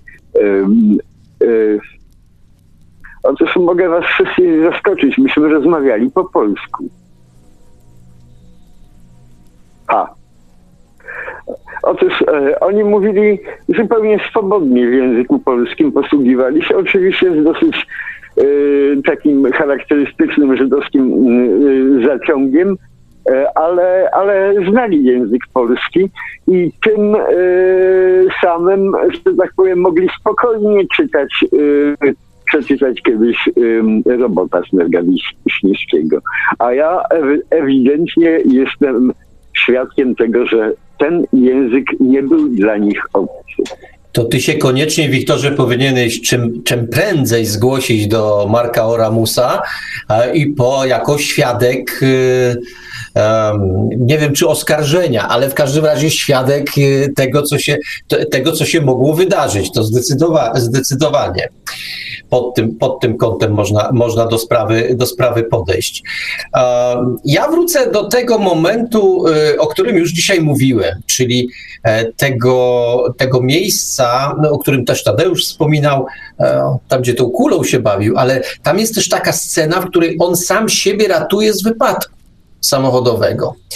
E, widzi swoją twarz, widzi swoją, widzi swoją twarz e, u osoby, która właśnie w trakcie tego wypadku jest. I co więcej, on dużym wysiłkiem, bo tam znowu wchodzi jego zainteresowanie fizyką. I e, tam jest tak, że to są te ciężkie posągi, bo to, to wszystko w takiej rzeczywistości się odbywa. Te wszystkie istoty, to, jest jakby obraz naszego świata, tylko właśnie przełożony, przełożony do. Inaczej biegnie tam czas. One się, te posągi wydają e, nieruchome, ponieważ one się poruszają bardzo wolno, ale jednak się poruszają. I to, to jest taka sytuacja, gdzie on ratuje tego, te, te, te, tego, tego kogoś, który w wypadku uczestniczy, odpowiednio naciskając, y, zmieniając tor jego lotu, bo to wszystko się odbywa jak w zwolnionym tempie. Tam jest nawet taka scena, gdzie on w pewnym momencie zasnął, bo tam się, Tak, on się mógł na suficie. na suficie i, i, i, i zauważył, że część z gości zaczyna podnosić głowy. Dlaczego? No bo on im jako takie za, zawirowanie y, y, w, powietrzu albo jakiś taki... Jakaś taka plama Jakaś suficie się plama zaczęła na pojawiać, się bo, pojawia. bo on spał chyba kilkanaście godzin, Tak, bardzo ale długo. to tak wszystko się toczy tam bardzo powoli. On w pewnym momencie, jak ratuje, ratuje tego swojego sobowtóra z wypadku, to się zaczyna śmiać, bo widzi, że tor, on zmienił tor jego lotu, jak wypadł z tego samochodu, e, w taki sposób, że on wyląduje, już nie pamiętam, to chyba e, magazyn z materacami czy sklep z materacami takimi do spania był, że on dokładnie tam wyląduje dzięki jego ingerencjom, tym naciskom i tak dalej i on właśnie go uratował. Więc był też takim, taką istotą sprawczą w tej rzeczywistości. Stosując tylko i wyłącznie fizykę, pokazał, jak jaka może być relacja, że my, że my tak naprawdę, tak jak te istoty, te, te, jak, jak ci ludzie w tej zwolnionej rzeczywistości, w tym świecie posągów, nie dostrzegali go, a jednak on mógł ingerować w ich życie, mógł ich ratować, mógł zdjąć kulę, mógł y, ingerować y, w te właśnie wypadki, tak samo my nie jesteśmy w stanie, y, no być może ktoś właśnie w taki sposób w nasze życie ingeruje i może tam jest źródło tego, że pewne rzeczy się w naszej rzeczywistości zdarzają, które się teoretycznie zdarzyć nie powinny. W związku z tym, y, do czego ja prowadzę?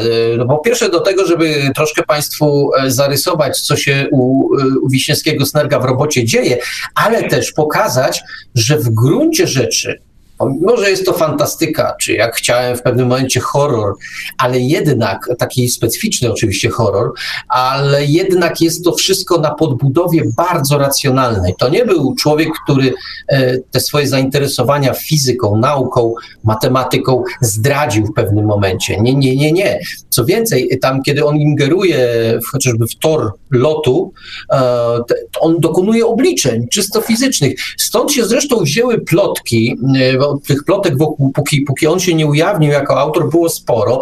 Jedne to były takie, jak sobie e, e, wykombinował Tadeusz i też przyznaję, że to nie on jedyny wykombinował z Erlemem.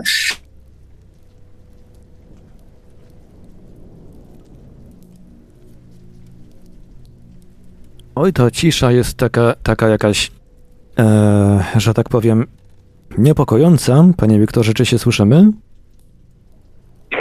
My się słyszymy, ale, ale Marek nam odleciał, że tak powiem. No, Marek i Tadeusz, dwóch, dwóch uczestników nam dzisiaj tak. odleciało. Tak. tak. Ja może, może zanim oni dojdą do głosu, może ja w takim razie będę miał taką drobną uwagę, bo ja cały czas mam y, y, takie wątpliwości i taką rozterkę. Ja nie wiem, czy Snergiusiński był dobrym pisarzem. Nie wiem to nie ma y, właściwie y, wielkiego znaczenia. Otóż on y, przy tworzeniu swoich dzieł kierował się żelazną dyscypliną.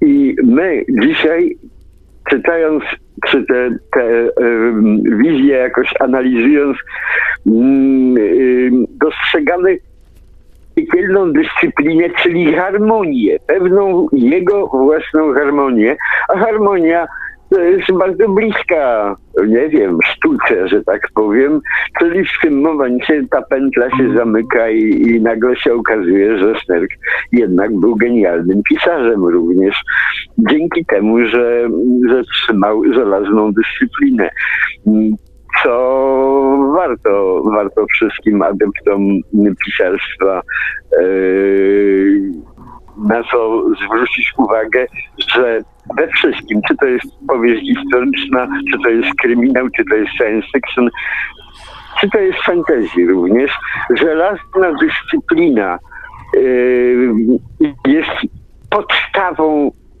tego, żeby, żeby to była literatura wielka bez, bez tej dyscypliny, no to będzie, będzie tam coś tam bleblanie. Ja Czy tutaj, teraz nas słychać? Słychać, słychać. Ja tutaj, ja tutaj, y, że tak powiem, przetestowałem na szybko swoje możliwości w zakresie szybkiego spisywania, co mówi Wiktor Żwiekiewicz i wysłałem ci, Marku, na Messengerze to, co mówił do momentu, gdy was powró- po, przewróciło ale my was słyszeliśmy przez cały czas, to tylko nasz mikrofon y, zaczął y, wyprawiać różne dziwne rzeczy. A, no. Ja bym tylko, że był wdzięczny, y, wdzięczny żebyście nam po, powiedzieli, gdzie, gdzie było mnie ucięło, w którym momencie, to, to jeśli je, macie taką pamięć. To się zdaje na Wiktora. Ja. A czy ja myślę za Żorkowskiego? No dobrze, dobrze. Ja rozumiem. rozumiem. A, tak, nikt mnie nie słucha, no zaraz popadnę w jakieś kompleksy, nikt mnie nie słucha, nikt mnie nie cytuje, w ogóle nic i tak dalej. E, dobrze, ja wrócę, wrócę na chwilę. Mówiłem o tym, e, o tym, e, o tym świecie ciężkich figur. To, to jeszcze było, było słyszalne? Halo, halo? Jeżeli sobie przypominam, to chyba tak. Tak, no i e, chodzi o to, że mówiłem o tym, że, że e, opis tego świata, tych, tych, tych ciężkich, ciężkich figur, tej rzeczywistości, on był jednak mocno podbudowany e, fizyką i matematyką. On tam w pewnym momencie zaczyna dokonywać obliczeń, czy ten tor, na który wprowadził, tor lotu, na który wprowadził swojego sobowtóra, to będzie taki, który uratuje mu życie, czy nie. Mówiono nawet, i to, to by mogło, mogło uciąć, że tak jak Tadeusz wspominał o tym, że sobie wyobraził, że to pseudonim Stanisława Lema, tak bardzo wielu ludzi uważało, że, mm, że książkę Robot napisał jakiś bardzo znany polski fizyk.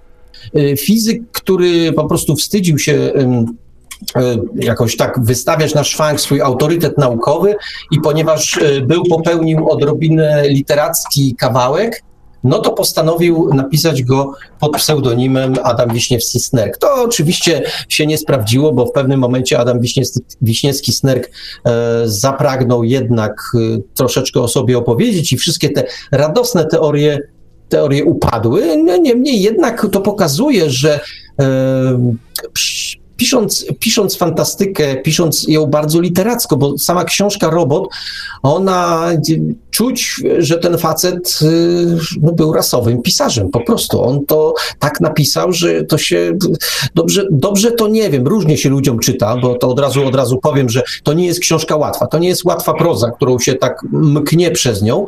Troszkę wysiłku trzeba, e, w zależności od tego, jaką tam mamy, e, jakie tam mamy nastawienie do, do, do czytania, to pójdzie nam łatwiej albo ciężej, to już jest inna zupełnie sprawa. Niemniej jednak czuć, że facet taki pisarski pazur miał, ale to nie pozbawiało go tego naukowego pazura. To był facet, który był rzeczywiście, mm, pomimo że niedyplomowanym, to jednak z przekonania fizykiem, matematykiem, człowiekiem zainteresowanym nauką. I to widać w robocie, ale widać też w następnych książkach. Tak jak powiedziałem, nieco mniej według Łotra, bo według Łotra to jest książka mocno podszyta filozofią i takim innym obrazem. Właściwie, jakby się bardzo uprzeć, to obraz świata jest podobny, tylko z innej kamery, notabene kamery, to proste nawiązanie zresztą do treści, do treści, do treści y, książki według Łotra, powieści według, według Łotra, to jest jakby obraz świata z innej kamery pokazany, niemniej jednak chyba tego samego świata. No, w powieści według Łotra, znaczy w, na okładce y, książki z tyłu pojawia się y, po raz pierwszy zdjęcie Adama Wiśniewskiego Snerga, wtedy to było w 1978 roku. Y, No, czyli byłem już studentem na drugim roku i polonistyki, a przedtem byłem uczniem. Ja byłem Pierwszy- ósmym, uczniem ósmej klasy. No tak, ale, ale to już to nie- nieistotne. W każdym razie, co zauważyłem, no, zdjęcie absolutnie nie pasowało mi do y, y, wizerunku pisarza science fiction, w najmniejszym stopniu. Raczej y, na zdjęciu był człowiek tworzący jakiś taki mm, prozę małego realizmu, która była wtedy dość mocno mm, promowana. Chociaż rzeczywiście były tam wspaniałe wyjątki, jak na przykład Śliwonik czy Ma- Marek Nowakowski, który wtedy tak naprawdę zaczynał karierę swoimi opowiadaniami więziennymi. E, No ale, ale no, no, oczywiście absolutnie w najmniejszym stopniu y, nie traktuję tego małego realizmu z lat 70. jako złej prozy, broń Boże. No proszę mi tutaj źle nie rozumieć, zwłaszcza, że jeden z wybitnych pis polskich pisarzy fantastycznych, Zdzisław Domolewski, też tak zaczynał i w 70 bodajże 9 roku, a nie, w 78 miał swój debiut, to była powieść yy, wiatru nie jest spokojnie i yy, była to powieść jak najbardziej właśnie wpisująca się w ten mały realizm.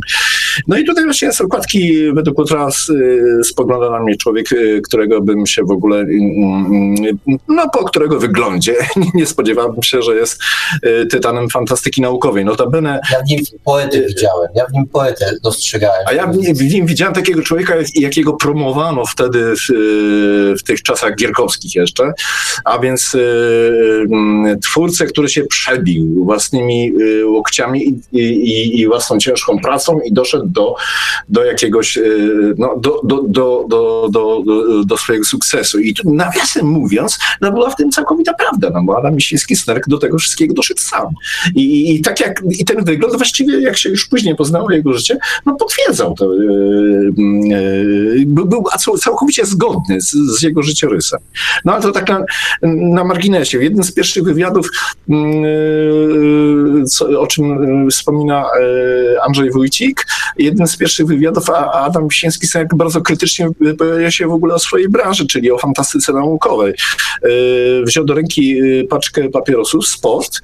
Były takie papierosy, sporty, sam paliłem naogowo wtedy, później to były poznańskie popularne i tak dalej, w końcu zaniknęły, jako bardzo szkodliwe. No i pokazał, nam powiedział wtedy, mm, że podobno sport to zdrowie, natomiast e, tyle jest e, zdrowia w tych papierosach, ile nauki w fantastyce naukowej. Czyli krótko mówiąc, właściwie na, na sprawę ją e, zmiażdżył tą, tą, tą wypowiedzią. Mm, nie odnosił się chyba, ja nie słyszałem nigdy, żeby odnosił się do Lema, no bo w przypadku Lema to właściwie można powiedzieć, że tutaj chyba sensu by nie miało wytaczać jakichkolwiek dział, ale dotyczyło to no, po prostu mm, wielu, wielu twórców i to tej renomowanej fantastyki, mm, szczególnie amerykańskiej. No i Trudno się z nim nie zgodzić, ponieważ y, wyszły tutaj jakieś nasze polskie kompleksy w pewnym momencie i y, widziano, y, gdy już pojawiła się w 1975 roku powieść Filipa Kendreda Dicka Jubi, którą już przypisano łatkę Snergowi polski Dick, co moim zdaniem jest niesłuszne, bo, bo owszem, jakieś podobieństwa można znaleźć, ale jak się dokładnie zacznie temu przyglądać, to naprawdę są to dwie różne literatury. Po prostu Dick w sposób y, taki, no powiedzmy, kiczowato-tandetny, celowo kiczowato-tandetny, mówi o E, swoim solipsyzmie. Natomiast Adam Wiśniewski-Sner naukowo mówi o determinizmie, a to, co ich łączy, no faktycznie nie jest tam gdzieś ten element, ale to jest tylko jeden element. To jest właśnie to niezgoda na istnienie, negowanie tej rzeczywistości, w której my funkcjonujemy jako, jako rzeczywistości dobrze nam znanej, w której możemy swobodnie się poruszać. Nie, to tak, tak nie jest. Tylko, że Dick robi to zupełnie inaczej nie obrażając Dicka, niektórego twórczycy wysoko cenię, to to jednak sposób taki chory po prostu. A u Wiśniewskiego Snerga to była obsesja bardzo, e, bardzo starannie zbudowana. Ale też e, w innym miejscu kończyli, bo jak się zna e, Dickowskie Walis, Mhm. no to on jednak poszedł mocno w kierunku religii, w kierunku Boga, w kierunku takich obrazów. E, Adam Wiśniewski-Snerk zupełnie tej rzeczywistości nie dotykał. No, on się tą rzeczywistością... Ale tutaj jedno, ale znów wrócę do pracy mojego przyjaciela Łukasza Nalewejka, e, człowiek zniewolony w twórczości Adama Wiśniewskiego-Snerga. E, odkrył jeden taki, właśnie autor tej pracy odkrył mm, taki jeden moment w powieści Arka. Y, pod koniec y, tej powieści pojawia się dziewczynka Alicja, która mm, ma tylko trzy barwy i te trzy barwy są bardzo ważne. Zarówno ubrana jest taki strój trzy, trzy, trójkolorowy, ma jakieś pakunki. To są barwy kościelne. Barwy kościelne bardzo mocno wyeksponowane przez Snerga Walce. Pod koniec. I, ja nie chcę tutaj sugerować, autor też tego nie sugeruje, że Snerk jakby zmienił pewne, y, y, zmienił poglądy. Ale pokazał, bo książka Arka jest właściwie powstała u schyłku PRL-u, czyli była pisana jeszcze, jeszcze właściwie w czasach komuny. Ale wydana już po 89. 90 roku bodajże. Tak, no to, tak, ale tak. pisana jeszcze wtedy, więc była pewnym rozliczeniem i Snerk pokazywał bez względu na to, czy się komuś to podoba, czy nie, że Kościół to jest y, to miejsce, y, to jest y, mm, ten, ta sfera, która, o którą można się oprzeć i dzięki niej możemy uzyskać wolność.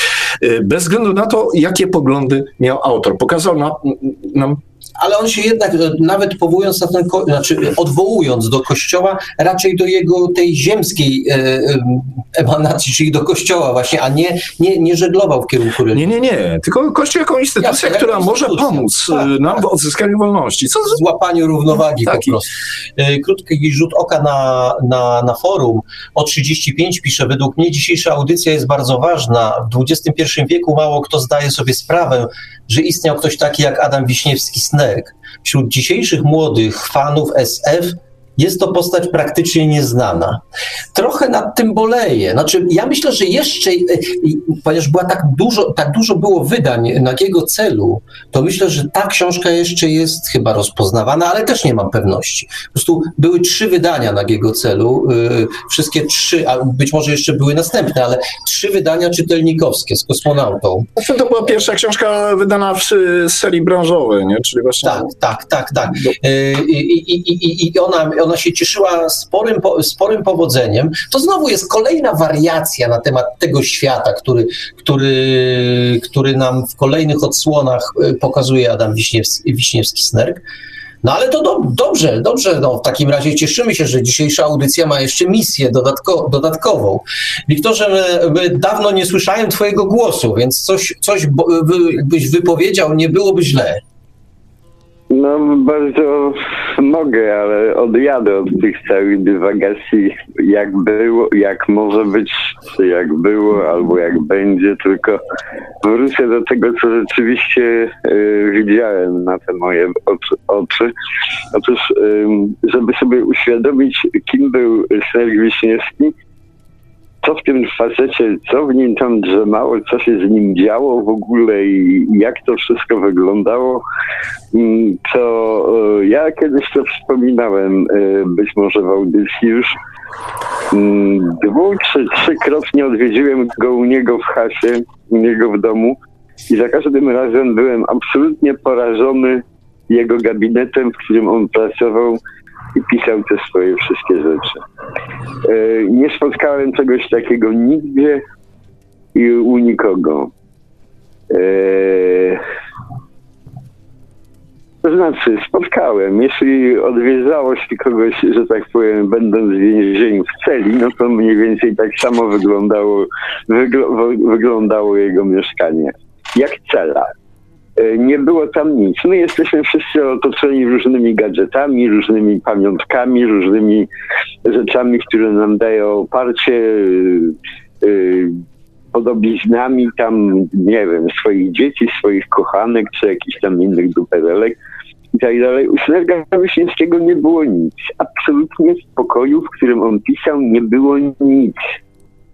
Czyste, nagie ściany, gładkie biurko, na którym nie było ani żadnego pyłka, nawet maszyny do pisania, bo on pis jak pisał jeszcze na maszynie, czy jeśli używał maszyny do pisania, a używał, nawet maszyna nie stała na tym biurku. Ona była schowana do środka biurka, do szafki, bo ona by przeszkadzała.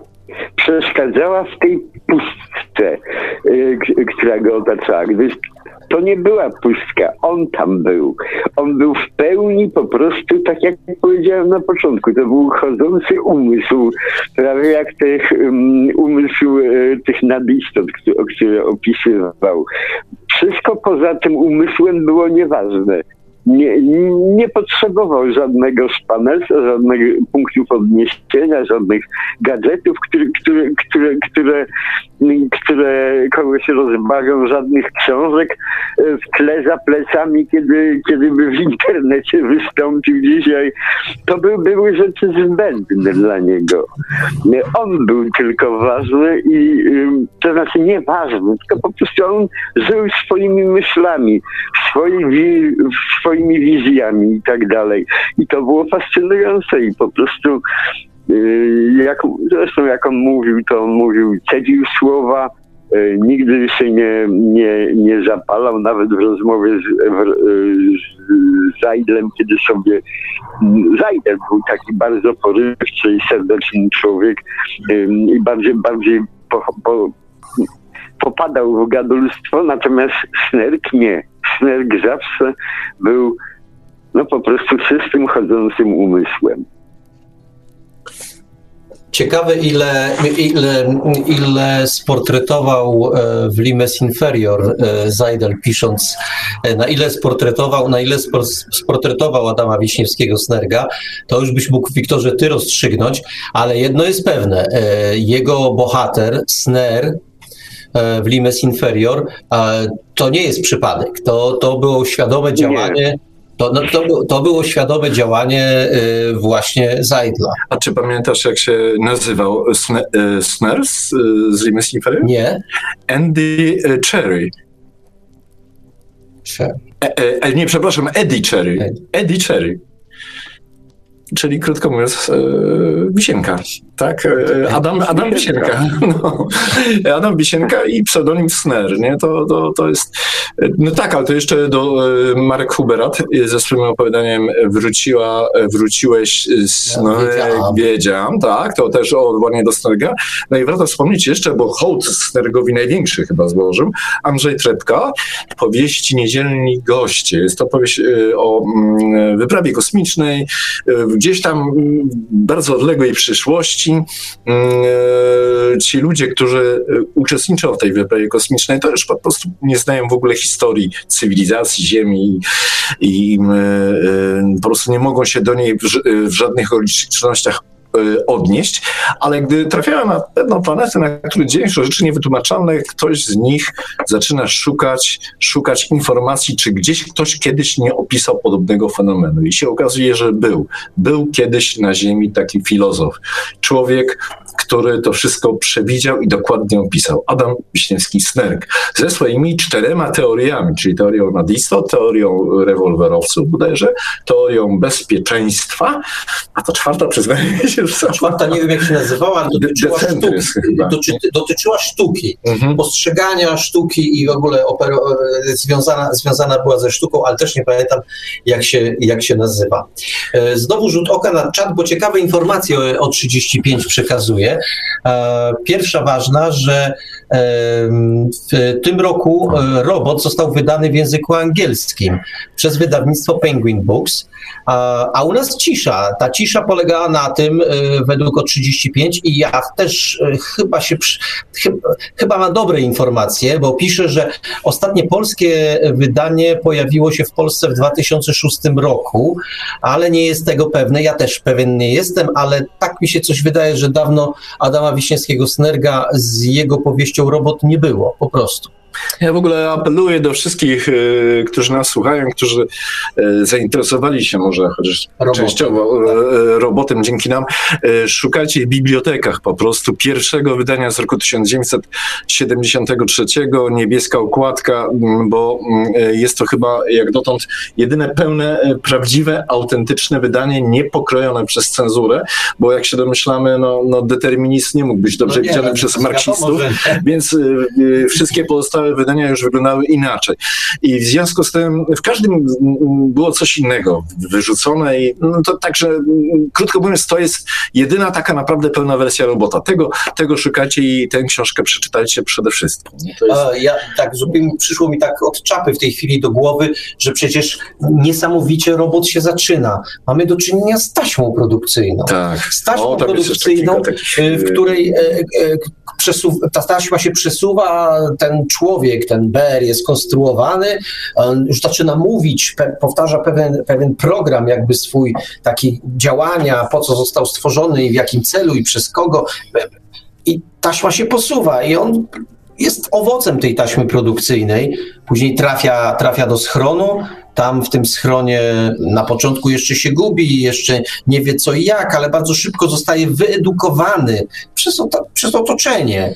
Co więcej, nabiera, już zaczyna mieć imię i nazwisko, y, już przestaje być BRM66 i tak dalej, i tak dalej. Takich niesamowitych scen. Ta pierwsza scena, y, te pierwsze sceny no, są niesamowite. Ja pamiętam, jak właśnie jako ten nastolatek czytałem, to mi się wydawało takie trudne, a z drugiej strony takie Mnie to dziwne. odrzucało. Takie dziwne, takie dziwne, no jak konstruują człowieka, no zamysł w tym był e, przewrotny, no właśnie wiś, wi, snergowy taki, ale to, to, to, to trzeba było przez tę książkę przycisnąć się. No wtedy, tak to, tak, to, tak to ujmuję, wtedy to naprawdę było dla mnie jako tego czternastolatka duże wyzwanie, i dobrze, dobrze. To tej książki rzeczywiście Państwo szukajcie.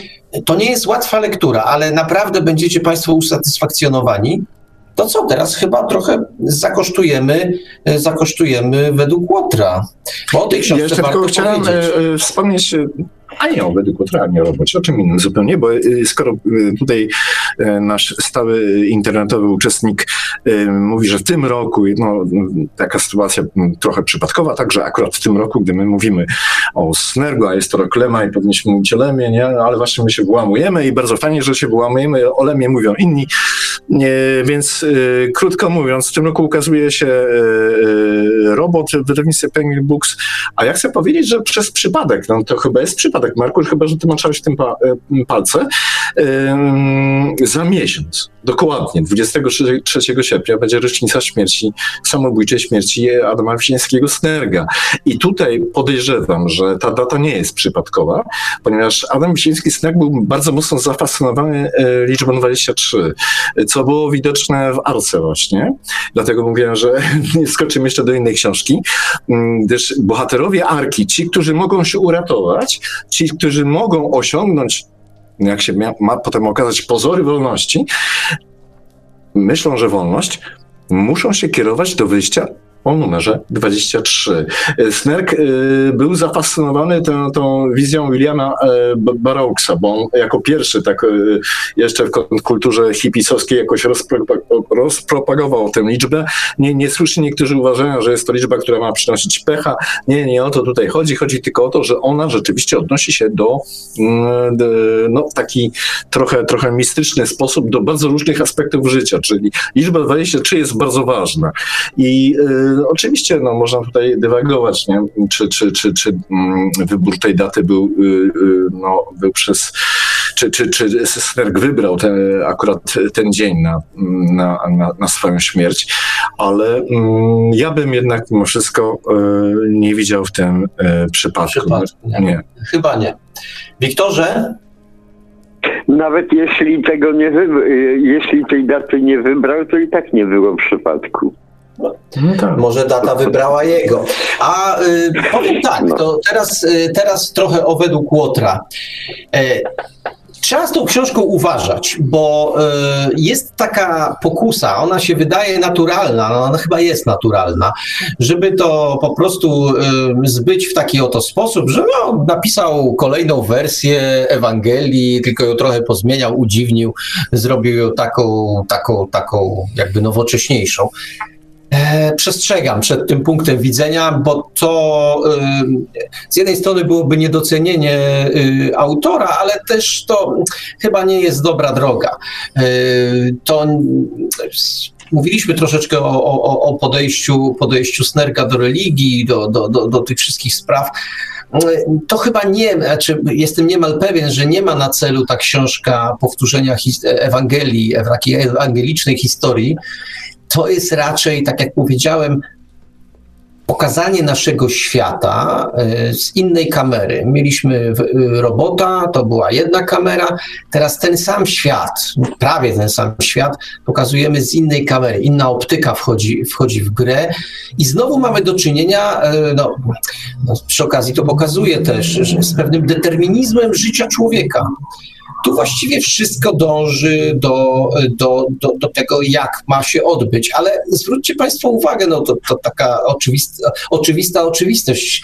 No przecież to, co się dzieje w Ewangelii, też zmierza, w tej prawdziwej Ewangelii, też zmierza ku pewnemu y, oczywistemu rozwiązaniu. To znaczy, y, Chodzi, Tam nie może być innego nie rozwiązania. Nie może być innego rozwiązania, tylko wtedy nastąpi zbawienie. E, w związku z tym e, Adam Wiśniewski, Wiśniewski-Snerk użył pewnego schematu, który mu bardzo pasował, ale użył go do zupełnie, moim zdaniem, e, innych celów. On po prostu pokazał właśnie ten deterministyczny świat, ale też świat który można obserwować z różnych optyk, bo, bo, znowu to nie jest przypadek, że kiedy, kiedy bohater y, tej książki pojawia się y, na pewnej wysokości i widzi, jak ten świat jest skonstruowany, im jest dalej od tej kamery, która, która to wszystko y, ogarnia, tym ten świat jest bardziej przybliżony. Im bliżej jest tej głównej sceny, głównego planu, tym on jest bardziej dokładny. No tak jak się to robi, tak jak się to robi na planach filmowych. E, ci statyści walczący gdzieś 100 metrów od kamery, oni mogą walczyć mieczami z papieru czy, czy z drewna. Ci, którzy są bliżej, no to już powinien być przynajmniej plastik, a ci z pierwszego planu lepiej, żeby to jednak, żeby to jednak trochę coś z metalem miało wspólnego. To tak na początek, to tak na początek przedstawiając w ogóle powieść Adama Wiśniewskiego-Snerga według Łotra. Tu znowu charakterystyczna okładka pierwszego wydania. No z kim? z Jezusem w tak. cierniowej koronie. A to się naprawdę mogło skojarzyć komuś, że właśnie e, Adam Wiśniewski-Snerg e, e, przepoczwarzył się. jakieś tam ślady Buchakowa. Tak, i, te, i tak, idzie w tym no, kierunku, no zupełnie nie, w tym kierunku, nie, zupełnie nie, nie ten kierunek. Tak samo jak e, tytuł Robot, no też nie, nie świadczy, że to jest powieść o robotach, bo naprawdę nie jest, nie licząc paru elementów. Ja w ogóle tutaj taką anegdotę powiem, że kiedyś jakaś dziewczyna, nawiasem mówiąc poloniska, y, która nie interesowała się specjalnie fantastyką, y, spytała mnie, czy jest jakaś książka, o której ona prawdopodobnie w ogóle nie słyszała, to byłoby najfajniej, którą bym mógł polecić. No i poleciłem robota Adama Wiśniewskiego, którego ona mi odpowiedziała no, w sposób taki mm, pretensjonalny bardzo, nie? że, no, że no nie, nie, nie, nie chodziło mi o książki fantazy o robotach, nie? Ja takich rzeczy nie czytam. No, pomijam, że popełniła trzy błędy merytoryczne naraz z tej wypowiedzi, to e, nie będę ich teraz wliczał, bo to e, szkoda czasu, no to e, tylko świadczyło o tym, że tytuł rzeczywiście mógł być mylący. I ten tytuł, no chyba myli do dziś, nie? Tytuł robot, tak samo jak według Potra. Jest taka, tak, ale jest jeszcze, zanim cię znowu dopuszczę do głosu, na chwilę go odbiorę, bo jest taka wypowiedź, wydaje mi się, że to Marek Oramus powiedział, że jest coś takiego w naszym pewno nie w naszym, ale on od, od, odwołał się do, pol, do polskiej sfery. E, coś takiego jest e, w naszym środowisku, tym literackim, ale też tym czytającym, że jeśli e, coś powstanie wybitnego w gatunku SF, to żeby to uratować, żeby to nadać temu walory wielkości, ten, na jakie zasługuje, to trzeba odciąć ją y, od korzeni. Trzeba przekazać mainstreamowi, że to absolutnie nie jest żadna fantastyka. Nic z tych rzeczy to jest dzieło, które jest dziełem literackim. I coś w tym, coś w tym jest takiego, że ta historia, którą przytoczyłeś, ona dobrze, dobrze to mówi. E, powstały jakieś takie schematy w głowach ludzi, że SF to jest o rakietach, y, tudzież y, małpach, które, które ganiają ludzi, tudzież tam ewentualnie o podróżach w czasie. To wszystko, to jest całe ogarnięcie. Dokładnie. A najlepiej o superbohaterach. To teraz w tej chwili no tak. chwała się przegła, jak mawiają niektórzy, w tę stronę. Superbohaterowie to jest science fiction. Jest też fantazy. No fantazy to jest, jak to, moim zdaniem najlepszą charakterystykę dał, e, dał e, Konrad Fijałkowski, że to jest, e, to są opowieści o E, czarownicach płci obojga, nie, czar, czarodziejach płci obojga, o, przepraszam, spaliłem. W każdym bądź razie i, i to, to, właściwie, to właściwie wystarczy. Trosz, troszkę się tak porobiło, że e, zresztą kiedyś miałem bardzo ciekawą rozmowę, e, w której uczestniczył nasz wspólny znajomy Mirosław Gołuński. Dlaczego tak jest? I jakby gdzieś padła taka, jedna z konkluzji była taka, że mainstream to, co nazywamy mainstreamem, ta poważna, prawdziwa literatura, ona do dzisiaj nie dotarło do niej, że tu też po pojawia się od czasu do czasu literatura, która jest jak najbardziej prawdziwa. Że fantastyka naukowa to nie są tam pierdoły, y, z którymi oni najczęściej kojarzą fantastykę. To jest całkowicie mylny obraz, ale oni tak to widzą i tego chyba nie można w najbliższym czasie zmienić. No to tak sobie musiałem ponarzekać, przepraszam.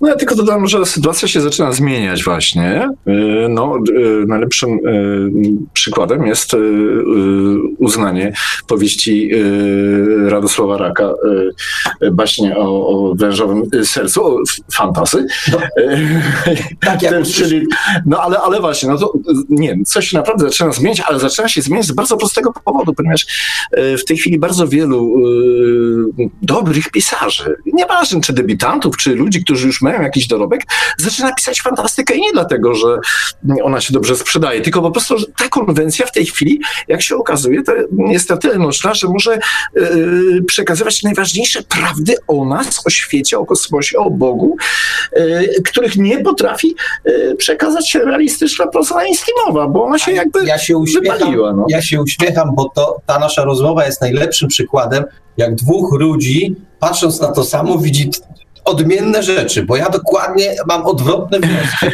Nagro... Zmienia się. Zmienia.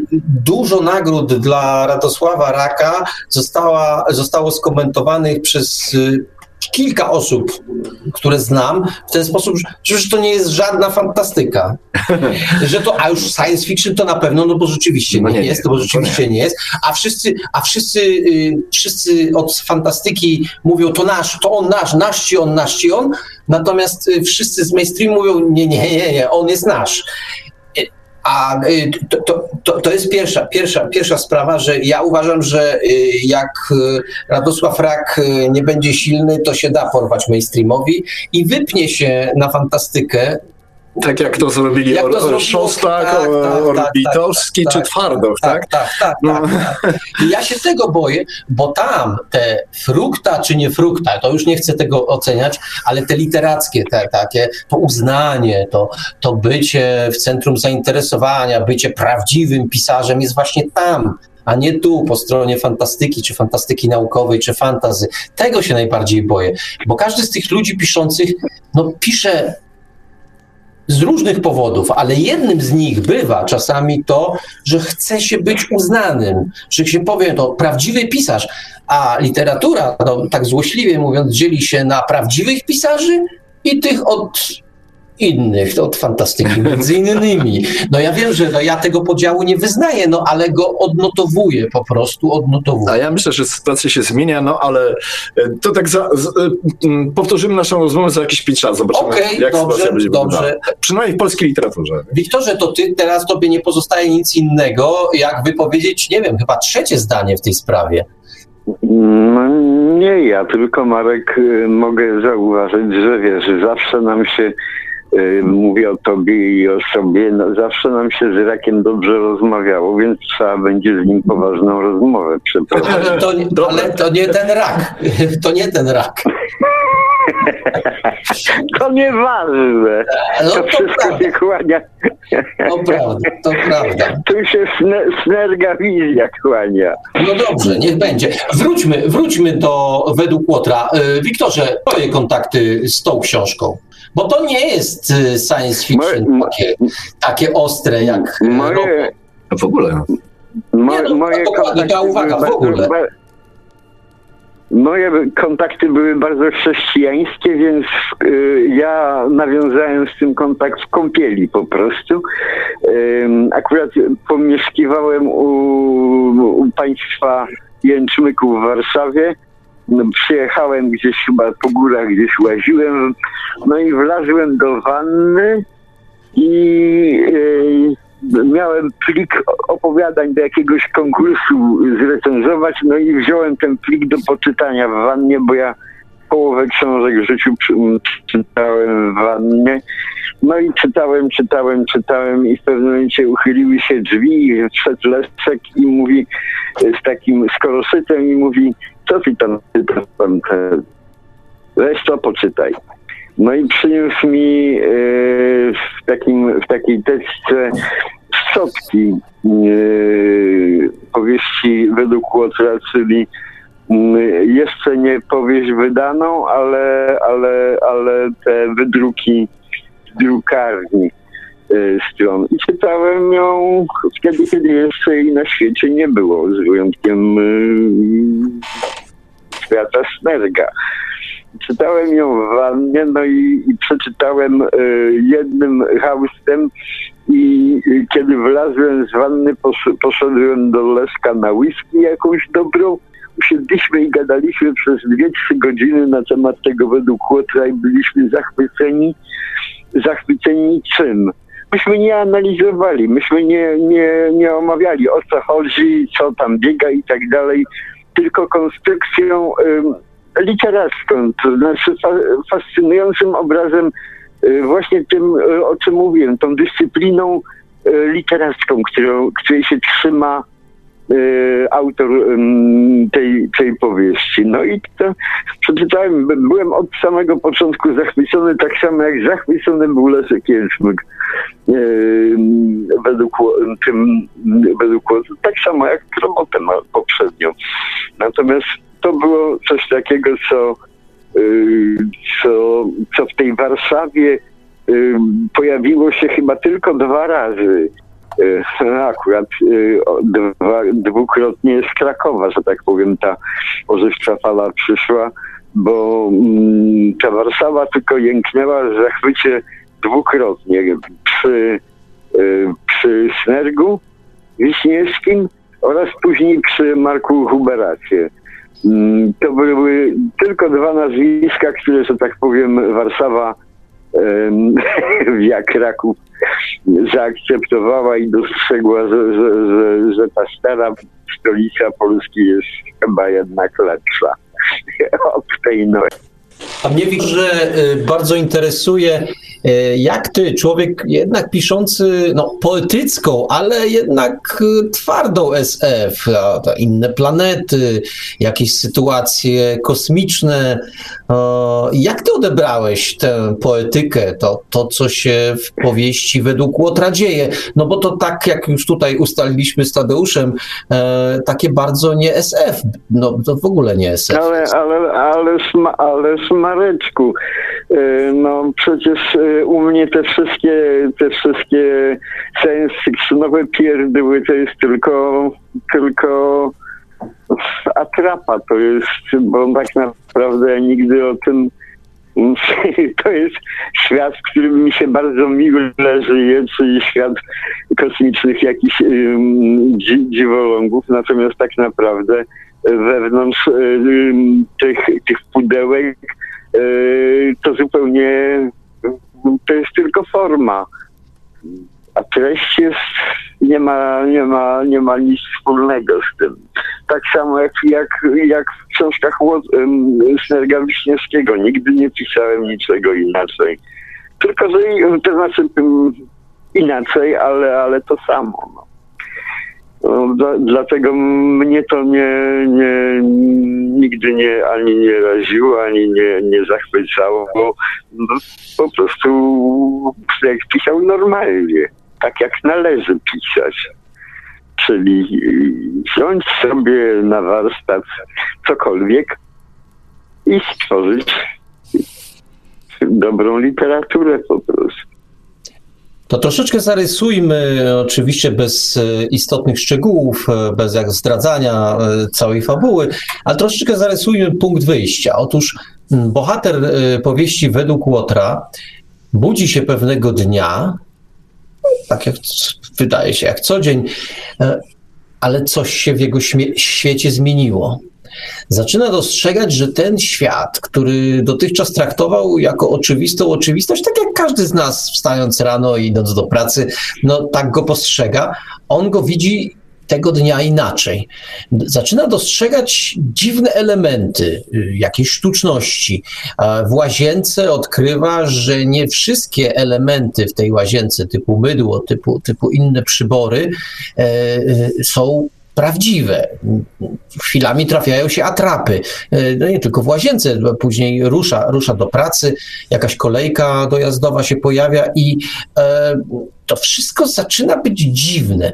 My to obserwujemy e, jako czytelnicy i no cóż, no, na początku, na, znaczy to bawi, to na początku ja, ciekawe, na jaką próbę wystawia nas autor, to znaczy jaka będzie puenta.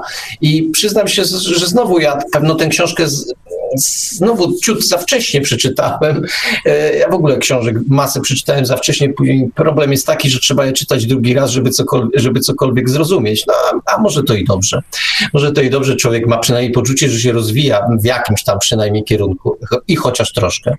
W każdym bądź razie y, y, coraz więcej tych sztuczności zauważa i ja w, w tym pierwszym pijanym, młodzieńczym widzie zastanawiałem się, jak tu się odwinie autor, jak nam przedstawi powód tego, tego, tego, tych, tych dziwności, które się pojawiają. Od razu Państwu mówię, że e, na wyjaśnienie całości trzeba troszkę poczekać. Ono się pojawia, ale też to nie jest wyjaśnienie w stylu, no i wtedy się stało tak i tak i się wszystko skończyło dobrze. To zupełnie inaczej wygląda tłumaczenie tego świata i tu znowu mamy do czynienia z literaturą, która tłumaczy się w pewnym procesie, a nie e, w kilku zdaniach wypowiedzianych przez jednego, ewentualnie drugiego bohatera. Tu trzeba ogarnąć całość, żeby zrozumieć, o co w tym, o co w tym wszystkim chodzi e, kim jest połowy Jack, jest mowa o, o, o, tej kamerze, o, o wielkim, e, o jakimś, o jakimś reżyserze i tak dalej. I o widzu jest. I jeszcze jest widz, oczywiście, jest jeszcze widz, który jest też niezwykle ważny. To znowu, zobaczcie Państwo, znowu odwołajmy się do robota bardzo naprawdę podobne elementy.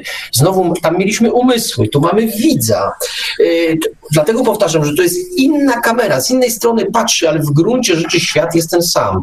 I to, co na początku traktujemy jako dobrą zabawę, no, no bo ktoś tu jest sztuczny, gdzieś tu siedzi yy, manekin, yy, gdzieś mydło nie jest mydłem, tylko czy jakąś tam kostką, coś nie jest takie, jak powinno być. Na początku to jest świetna zabawa. My to widzimy jako, jako no, taką grę z, z czytelnikiem, to po pewnym czasie zaczyna się, co więcej, bardzo e, szybko pojawia się w tej opowieści pewien rodzaj determinizmu. Pewne rzeczy się muszą stać. Tam jest taka scena bardzo mocno przeze mnie zapamiętana, e, bodajże napadu na bank każdym razie jakiejś takiej y, zabawy z bronią, tak sobie to powiedzmy.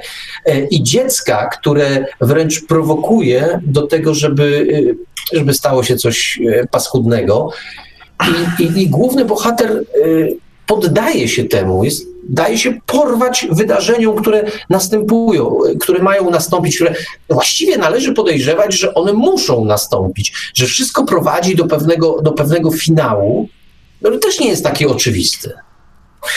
No to jest mm, jedna bardzo ważna sprawa. Mówiliśmy wcześniej o raku i, i, i o tym, że mm, jego e, baśń o wężowym sercu jest odrzucana przez niektórych mainstreamowych krytyków jako rzecz e, nie fantastyczna, tylko pełna na pewno symboliki. Nie? I, a ta symbolika nie musi być literalnie traktowana, a nawet nie powinna, no poniekąd racja. I w związku z tym fantastyka to nie jest. I proszę e, tak baśnie o wężowym sercu nie traktować.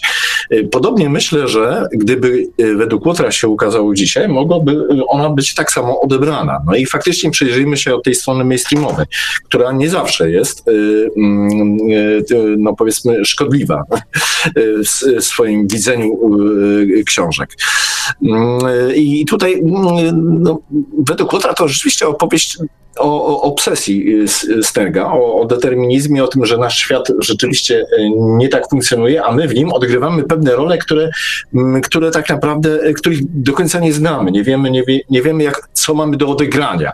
I tutaj, co jest ciekawe, Snerk pokazuje w swoich książkach grę grę rozumiano na dwa sposoby, czyli tak, my jesteśmy graczami, takimi właśnie pionkami na, na, na, na, na jakiejś szachownicy czy na innej grze y, planszowej. Czasami jest to nawet prosta gra, taka bardziej, jest to bardziej Chińczyk niż, niż szachy. Szachy są warce, y, bo tam liczba 64 też ma bardzo duże znaczenie.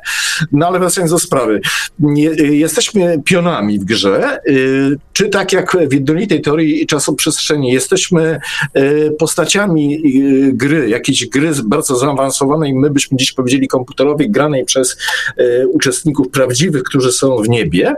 E, w tym niebie umownym oczywiście, tutaj daję cudzysłów. Natomiast w przypadku e, według Łotra mamy też do czynienia z grą aktorską. Czyli e, pokazuje tutaj Snelk jakby dwie dwa rodzaje gry. Grę aktorską, grę dla widza, który będzie to obserwował. Widz tam jest wielką literą zaznaczona jako postać tak, ba, bardzo ważna. Tutaj oczywiście można sobie e, pozwolić na, na, na, na, różnego rodzaju interpretacji, na przykład, że jest to Bóg, tak, który e, obserwuje i, i, jakie są efekty jego poczynań w wersji, no powiedzmy, sfabularyzowanej, tak, no, no, na przykład, nie? no ale to już już tak pomijając to. Czyli mamy do czynienia jakby z takimi, z taką grą na, na dwóch płaszczyznach. Jednocześnie jesteśmy pionkami, ale musimy jako pionki zagrać to jak najlepiej. Tak bardzo mimetycznie. Podchodzimy do rzeczywistości, musimy ją odtworzyć, zgodnie z jej założeniami. Mo możemy się zdobyć najwyżej na jakąś tam mimikrę, nie? Czyli, że jesteśmy tacy, jak rzeczywistość od nas tego oczekuje. Co jest ciekawe w ogóle we wszystkich książkach Snerga, co też fajnie zauważył Łukasz Nowek w swojej pracy, mm, bohaterowie praktycznie tak, nie buntują się, nie przeciwstawiają się rzeczywistości, która, która mm, ich otacza, nie próbują jej zrozumieć i zanalizować, inaczej jest trochę walce, tam, tam taka próba e, następuje, e, ale raczej e, dostosowują się do rzeczywistości, akceptują ją u Dicka, w Jubiku, no to powiedzmy bohaterowie myślą tylko o sprawach egzystencjalnych, czyli chcą przetrwać, chcą przeżyć I, i, i wydają się przez to bardzo prawdopodobni. U Snerga jest jeszcze gorzej. Oni po prostu się godzą na to, co jest i postanawiają swoje role odegrać mm, bez jakichś większych zastrzeżeń. Y, czyli mm, tak można widzieć też y, według Łotra właśnie, czyli już nie, nie fantastycznie, a trochę mainstreamowo, ale ja bym powiedział, poszedł dalej. Ja mm, myślę, że zarówno według Łotra, jak i w robocie mamy do czynienia przecież z alegoriami, nieprawdopodobnymi alegoriami. Bohater pojawia się wśród manekinów. No to w takim razie, cóż to ma oznaczać? Yy, to znaczy, że nie otacza się prawdziwymi ludźmi ludźmi sztucznymi, jakąś martwą klasą kantora. Nie, nie, nie wiem. To w ogóle mi się Snerk bardziej kojarzy nawet, z, jeśli chodzi o grę aktorską z teatrem współczesnym polskim, z Grotowskim, gdzie, gdzie też jest jakaś taka pusta przestrzeń. Wiktor mówi właśnie o tym, że, że, że mieszkanie y, Snerga było puste. No tak, y, Krystyna Wawer też o tym mówi, że jak przychodziła do mieszkania Snerga, tam, tam niczego nie było i dopiero ludzie, którzy tam przychodzili, stopniowo zapełniali tę pustkę. Y, I, no, takie są Grotowskiego, tak? Po prostu jest scena, na której nie ma nic. Widzowie są tylko na tej scenie po, posadzeni i dopiero po jakimś czasie musi przychodzi, przychodzi aktor, który y, zrzuca z siebie y, y, swoją jakby nawet cielesność i pokazuje na końcu swój umysł, tylko psychikę. I wydaje mi się, że takie właśnie z bohaterem Snerga. Snerg był bardzo mocno zainteresowany filmem, ale wydaje mi się, że tutaj nawet jego zainteresowanie teatrem wyszło według Łotra. Czyli mamy metaforę sztucznych, nieprawdziwych ludzi, z którymi którymi się spotykamy na co dzień. Co więcej, mamy też swoje pięć minut, o co każdy zabiega, czyli ludzie, którzy marzą o tym, żeby się gdzieś pojawić i żeby o nich mówiono, marzą po prostu, mówiąc o tym, żeby zaistnieć, tak. No więc są, to są statyści, jacyś tacy statyści, którzy migną na ekranie tylko.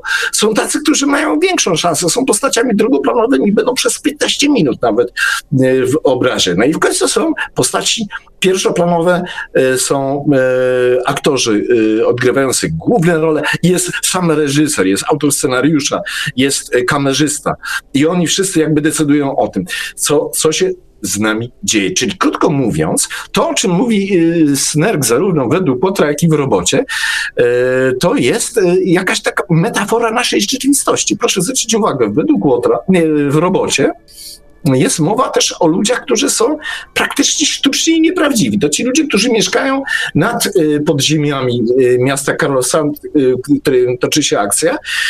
Wychodzą. Tak, i gdy on się, gdy główny bohater się znajduje, to dowiaduje się, jaki, jaki był przebieg eksperymentu całego mechanizmu. Ludziom rzuca się na przykład... Mm, różne towary e, najbardziej wyszukane. Ludzie nie muszą za to płacić, biorą to masowo, zachowują się jak jakieś istoty wszystkożerne, których, e, które, które są tylko i wyłącznie zaprogramowane w sposób konsumpcyjny, tak jakby już inaczej nie mogły funkcjonować. Snerk bardzo ostro w robocie pokazuje ten konsumpcjonizm, bardzo ostro pokazuje w, według Łotra pozorność istnienia, którą w tych czasach tak bardzo często odczuwaliśmy, bo tak naprawdę nikt z nas nie miał e, w 78 roku nic naprawdę do powiedzenia. Jeżeli miał, to wysłuchało go bardzo niewielu i nie mógł nawet zaistnieć, nawet jako postać e, e, tam, jako statysta w tym odległym planie. Czyli krótko mówiąc, książki Snerga można też i, myślę, że jest to zgodne z intencją autora rozpatrywać wiele wielopłaszczyznowo, czyli oprócz tej obsesyjnej idei y, Snerga, y, idei deterministycznej, pojawia się jeszcze no, alegoria dotycząca e, współczesności lat 70. E, tamtego okresu. Czy tylko lat 70.? Nie, no bo jeżeli mówimy o konsumpcjonizmie, no to dziś to wydaje mi się, robot jest lekturą wręcz obowiązkową. Gdy mówimy o sztuczności, o tym, że chcemy mieć swoje 5 minut, tak, no to, to, to jak najbardziej jest to coś, robot według Łotra, według Łotra jest książką też obowiązkową. Ja zwrócę uwagę znowu na rzecz oczywistą, która na towarzyszy nam od samego tytułu. No bo przypomnę, według Łotra. Bo my jesteśmy przyzwyczajeni, no, literatura nas tak rozpuściła, że mm, śledzimy historię z punktu widzenia e, głównego bohatera. Na ogół tak są historie pisane tu od początku, e, mając świadomość jakąś kulturową, zanurzenia w naszej kulturze, śledzimy pewną historię, no właśnie według Łotra. Poznajemy historię tego tutaj e, snergowskiego Łotra, który, który gdzieś tam się zostaje wmieszany w pewne wydarzenia, nazwijmy to, głównego planu. Gdzieś tam są ci e, aktorzy główno, głównego planu, a tu nagle do nich ktoś, no właśnie, to też jest dosyć charakterystyczne, może zmienić się e, jakiś w trakcie tego przedstawienia, no w trakcie tego filmu, zmienia się rola. Ktoś z tego dalszego planu przechodzi gdzieś bliżej. No to jest ten łotr e, tytułowy to taka znowu oczywista rzecz jest, ale czasami warto powiedzieć o tych, o tych oczywistych rzeczach, bo my podążając za dosyć zresztą wartką akcją, bo poza wszystkim, poza wszystkimi e, literackimi walorami, to ta książka e, przez większość czasu e, dosyć szybką akcję e, ma, no taką filmową właściwie. Tam mhm. się dużo dzieje. E, ja nie powiem, że to jest najistotniejsze w tej książce, co, co się tam dzieje, chociaż dosyć konsekwentnie zmierza ku. To dążenie ku jest bardzo ważne w tej, e, w tej książce. Wiktorze, skutecznie się zagłuszyliśmy i zagadaliśmy, to teraz gadasz ty. Jak, jak Tadeusz mówił, że, że to nie tylko te lata 70., ale i współczesność, to zwróćcie uwagę, że przecież to, co jest pokazywane w książkach y, Snerga, najlepiej obrazuje się właściwie dzisiaj w płaszczyźnie internetu. Przecież y, większość ludzi rozpaczliwie czasami próbuje zaistnieć tej płaszczyźnie. Obojętnie, za każdą, za jakąkolwiek cenę, żeby zaistnieć. To i tak są jaskółki, które sobie przelatują i właściwie śladu po nich nie ma i tak dalej. No ale czasami ktoś tam wypłynie. Coś wypłynie, a nad tym wszystkim co czuwa? jak są te serwery, jakieś tam te takie te cenzury internetowe i tak dalej, coś nad tym czuwa. My hmm. powoli wchodzimy w taką, w taką karkową no, zupełnie e, ścieżkę, tą, którą Smerk tylko zarysował w normalnym społeczeństwie, w normalnej w miarę rzeczywistości wyobrażonej. A ta się dołożyła bardzo piękna płaszczyzna, na której to bardzo wyraźnie widać to, co Snerk, mm, oj, gdyby on dzisiaj pisał, to by to, to mógł na tej płaszczyźnie bardzo pięknie rozegrać. A mnie w tej chwili przyszło do głowy, że to, o czym napisał o 35, czyli to, że wyszła książka Robot w tej e, sferze anglojęzycznej, wydawnictwie Penguin Books, e, to chyba nie jest przypadek. Ja obserwuję coś takiego, że Oczywiście, jak na całym świecie, e, e, fantastyka ciągnie do siebie ludzi piszących różne rzeczy. E, lepsze, gorsze, przygodowe. Ja tu nawet tego nie wartościuję. Ja lubię, li, lubię literaturę przygodową, ale zauważam, no, zresztą polska seria magowska Uczta Wyobraźni pokazuje, że pojawił się taki trend w literaturze e, pisania fantastyki naukowej, w ogóle fantastyki, nieco ambitniejszej, takiej, która sięga e, do kultury, e, do jakichś takich głębszych pokładów wyobraźni, do pewnych właśnie odwołań czy to literackich, czy właśnie kulturowych, czy pewnych nawiązań, pewnych alegorii i tak dalej, i tak dalej. To ta magowska seria dobrze pokazuje i e, myślę, że gdzieś na zachodzie, w Polsce nie wiem, nie, nie mam diagnozy na to, e, ale na zachodzie na pewno e, ten rynek fantastyki mm, tak się klaruje troszeczkę.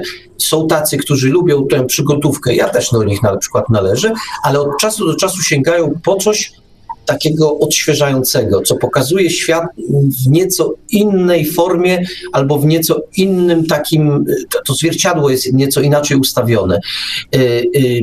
W Polsce jest niewiele takich książek. W Polsce myśmy poszli, być może dalej jeszcze odreagowujemy pewne, pe, pewne takie zapóźnienia nasze i dużo jest y, literatury przygodowej i to nie jest nic złego, ale Radek Rak pokazuje, że my jednak też idziemy tym, y, w tym kierunku, że zaczynamy szukać książek, które nas wciągną w przygodę intelektualną to jeśli Państwo lubicie takie książki, lubicie tę przygodę intelektualną, to Wiśniewski Snerk y, z książką Robot i według Łotra to jest znakomita lektura. To prawda, sprzed kilkudziesięciu lat e, literatura, która tylko, tylko osobom takim e, o złej woli może wydawać się już ramotą i czymś niegodnym, żeby po to sięgnąć, wręcz przeciwnie.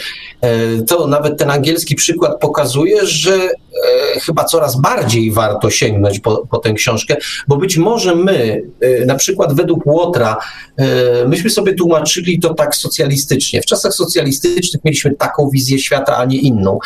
Pewne rzeczy upraszczaliśmy. To, to troszeczkę podobnie jak z, literat- z lekturą Zajdla. Zajdla się czytało dlatego, bo dlaczego? No bo dowalał regularnie regularnie komunię. Tak, takie, przynajmniej, takie przynajmniej było. Ja jeszcze do dzisiaj pamiętam w liceum, czytałeś, czytałeś, jak w tym dopieprzył im w tym Limes Inferior, a czytałeś całą prawdę o planecie Xi, tam to im dopiero dopieprzył. Owszem, to była taka szybka interpretacja, tak się, tak się, to, tak się to postrzegało. Ale przeczytajcie Państwo Zajdla dzisiaj. Dokładnie. Okazuje się, że on jest chyba jeszcze bardziej aktualny. Sięgnijcie po Paradyzję, a porównajcie sobie, co robią w Paradyzji, żeby porozmawiać, a co wyprawiają obecnie youtuberzy, żeby nie mówić na przykład e, o, o pewnym, pewnym zjawisku, które nas wszystkich bardzo dotyczy.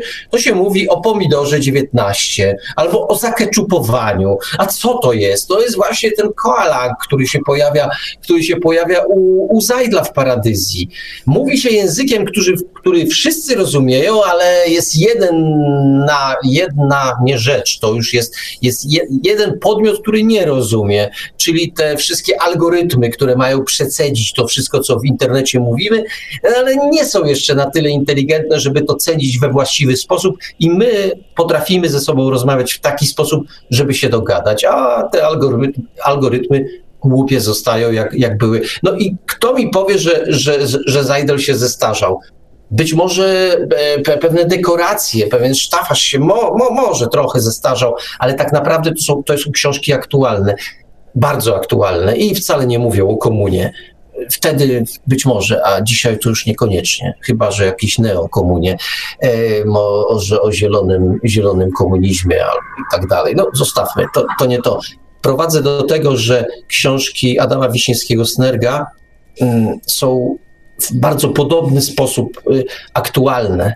One również nam mówią o naszym świecie. Chyba, znaczy, Wiśniewski Snerk y, sięgał w inne obszary zupełnie, zupełnie co innego go interesowało i, i pewno dlatego te książki są takie dzisiaj frapujące, takie mm, w dalszym ciągu niełatwe, bo tak jak mówiliśmy, no, przyjęcie, że żyjemy w czasach, że, nie w czasach, że żyjemy w rzeczywistości, która jest y, zdeterminowana, to jest trudne. To, to przyjęcie tego, tego do wiadomości, mm, no, człowiek natura, w naturalny sposób stara się to odrzucić. I nauczcie sobie Państwo te wszystkie badania, które, które dotyczą e, tego, e, jak reaguje nasz organizm na różne na przykład zagrożenia. Co, e, co łapie mózg, a jak się zachowuje nasze ciało bo wychodzi bardzo często z różnych badań, że nasze ciało e, wie szybciej, jak się zachować, niż wie to mózg. Mózg wysyła jakąś tam informację, ale już jest po ptokach, tak generalnie, bo organizm wiedział, jak się zachować. to jest pytanie. Oczywiście można różne wnioski z tego wyciągać. Ja wcale Państwa nie namawiam, żeby z tego e, wyciągać wniosek, że determinizm jest rzeczą oczywistą, ale można i taki, o taki wniosek się pokusić. Jeden z wielu. Ale okazuje się, że ta nasza rzeczywistość wcale nie jest taka prosta, jakby się to wydawało niektórym. Ja chcę tylko dodać y, od siebie, że ja, wielki miłośnik twórczości Adama Wiśniewskiego-Snerga, całkowicie przeciwstawiam się determinizmowi. Ja absolutnie go nie wyznaję, a nawet wręcz przeciwnie, odrzucam, bo zaprzeczałby on y, temu, co, w co najmocniej wierzę, czyli... Y, Wolności człowieka. Dokładnie, no. no. Tak. Ale y, warto się z wizją Adama Wiśniewskiego-Snerga zapoznać. No, o, tym, o tym mówię, no, bo, bo to, jest, to jest taki jak Przepraszam Państwa za obrazowe porównanie, ale to jest taki, cier, taki jak cierń w dupie, za przeproszeniem. To już używajmy języka adekwatnego. No, nie pozwala spokojnie usiąść. To troszeczkę tak działa lektura Adama Wiśniewskiego-Snerga, e, jego powieści. No, nie pozwala zapomnieć i cały czas każe brać pod uwagę, tak, jestem wolny, wolny, a, a może nie? Ta odrobina, ta nuta wątpliwości, e, no, pozwala chyba jeszcze bardziej tę naszą wolność, albo tę naszą wyobrażoną wolność smakować. Wiktorze, ty jako miłośnik y, wszelkich przejawów wolności, co masz na ten temat y, nam do powiedzenia? Znaczy, raczej nie wiem, co mam na ten temat do powiedzenia, ale mam takie skojarzenie, że po prostu człowiek jako istota mm, żywa ma, ma coś takiego w sobie jak instynkt zachowawcy. E, wszystko jest dobrze, e, warto się jednak troszeczkę tego organizmu słuchać. I mm, są dwie koncepcje e, tworzenia sztuki czy literatury jakiejkolwiek. Na pewno dwie. Jedna to jest taka, którą, której no, jakby apostołem był Snerk Wiśniewski, a druga jest taka, jaką, jakim, jaką drogą kroczył Stanisław Lem. Otóż Lem yy, przy każdej właściwie yy, swojej kolejnej powieści, że tak powiem, zmieniał konia, przesiadał się yy, z dyliżansu na pociąg albo z pociągu na balon, tak dalej i zaczynały zupełnie e, tworzyć od początku, mając swoje tam upodobania do czegokolwiek i tak dalej. E, to był kolejny epizod e, w drodze, którą, którą sobie Lem, że tak powiem, tam poczynał. Ze Snergiem jest inaczej. Obsesja może Y, może utrudnić nam pogodzenie się z tym, y, że, że jest inaczej niż my uważamy, że są inni ludzie, którzy uważają zupełnie co innego i też mają rację. Obsesja może się bardzo dobrze sprawdzić w dziele, bo no bo po prostu literatura dobrze żyje. Nie, nigdy się nie dziwiłem, że, że Franz Kafka był ulubionym pisarzem um, Snerga. Pasują do siebie jak um, nie wiem co, ale dwie, dwie doskonale dopasowane połówki czegokolwiek tam. E, natomiast to jest groźne dla naszego y, bytu. Y, to jest coś, co y, obsesja jest bliska opętaniu. Śmierć, nawet jak ja, ja go kochałem, lubiłem z nim dyskutować, natomiast to opętanie tym swoim, swoją wizją według mnie pogłębiało się bardzo mocno. On nie mógł praktycznie biorąc zaakceptować tego, że, że, że, że później tą jego koncepcję e, świat, e, ostatnią koncepcję tej rzeczywistości, którą, którą, e, którą zaprojektował w tej swojej ostatniej tam takiej filozoficznej rzeczy jakiś świat akcept, ym, naukowy nie zaakceptował. Każdy normalny człowiek wzruszyłby ramionami albo się wypiął i powiedział nie, to nie. Przyjdzie czas, to może ktoś to yy, doceni. Snerk tego nie mógł. Nie mógł przeboleć. Yy, on yy, coraz bardziej, że tak powiem, był na krawędzi, coraz bliżej tej krawędzi niezrozumienia przez wszystkich, niezaakceptowania. Wcale go nie, tutaj nie, nie, nie ulepszyła tej, nie, popra- nie naprawiła tej sytuacji e, to, że miłośnicy science fiction pokochali jego książki to nie miało znaczenia. To byli tylko miłośnicy literatury. A on chciał, żeby, że, żeby, że, żeby cały świat zaakceptował jego wizję w całej rozciągłości. No i skoro to się nie spełniło, chociaż może się spełni kiedyś, nie? Ale w każdym razie, skoro się nie spełniło za życia, to, to, to że tak powiem, skończyło się jak się skończyło. Bardzo niedobrze. Obsesje są bardzo fajne, ale, ale bez przesady. Można mieć obsesję na punkcie swojej żony, ale przecież wiele kobiet jeszcze też po świecie chodzi, prawda, Marku?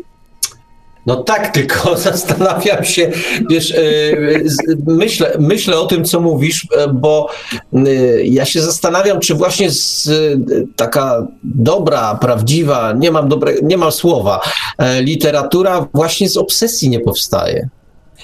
Takie mam wrażenie, że, że tak może być, że ta wielka literatura tam się właśnie rodzi, właśnie gdzieś tam. Ale dla, dla Marku, Dlatego dałem przykład Lema, który y, po prostu się przesiadał z, z konia na konia, z konia na konia i po prostu w ramach danej konwencji rozgrywał rzeczy absolutnie od początku do końca, kończył to, no i szedł dalej. Nie wiem, nie, znaczy, wiesz, ja co do Lema, wiesz, to, że on w pewnym momencie przestał pisać literaturę, y, zajął się raczej publicystyką, to też pokazuje, że mm, przynajmniej swoim zdaniem, według, według siebie doszedł do pewnej ściany. Już dalej nie chciał iść, nie chciał pewnych rzeczy powielać. Być może wyeksploatował, albo doszedł do wniosku, że już powiedział że to wszystko. Fiasko. Tak, że to fiasko. że powiedział wszystko, co chciał powiedzieć. I dalej, gdyby szedł dalej, to właściwie mnożyłby słowa. To już byłoby mnożenie słów, a nie pisanie literatury. E, to wiesz, on sobie postawił poprzeczkę niezwykle wysoko e, i miał świadomość tego, jak ona wysoko e, spoczywa, no i to stąd się chyba, stąd się chyba mogło wziąć. Rzut oka na czat, bo się właśnie, właśnie pewne, rzeczy, pewne rzeczy nowe pojawiły, ale już sekunda, bo muszę sobie to przewinąć. E, Gebo Light, rycerz kapłan, dobra audycja. No dziękujemy, dziękujemy. E, PW, e, tu są same dobre audycje. O, przepraszam, bo ja tak czytam z marszu, więc te, te, te, te, te pochwały bardzo dziękuję, ale, ale, ale, ale, ale o, teraz Mark, Mark Mr. Ark 01, pojedynek rewolwerowców. Dlaczego zawsze ten dobry wygrywa? Wygrywa, bo czeka na wyciągnięcie broni przez złego.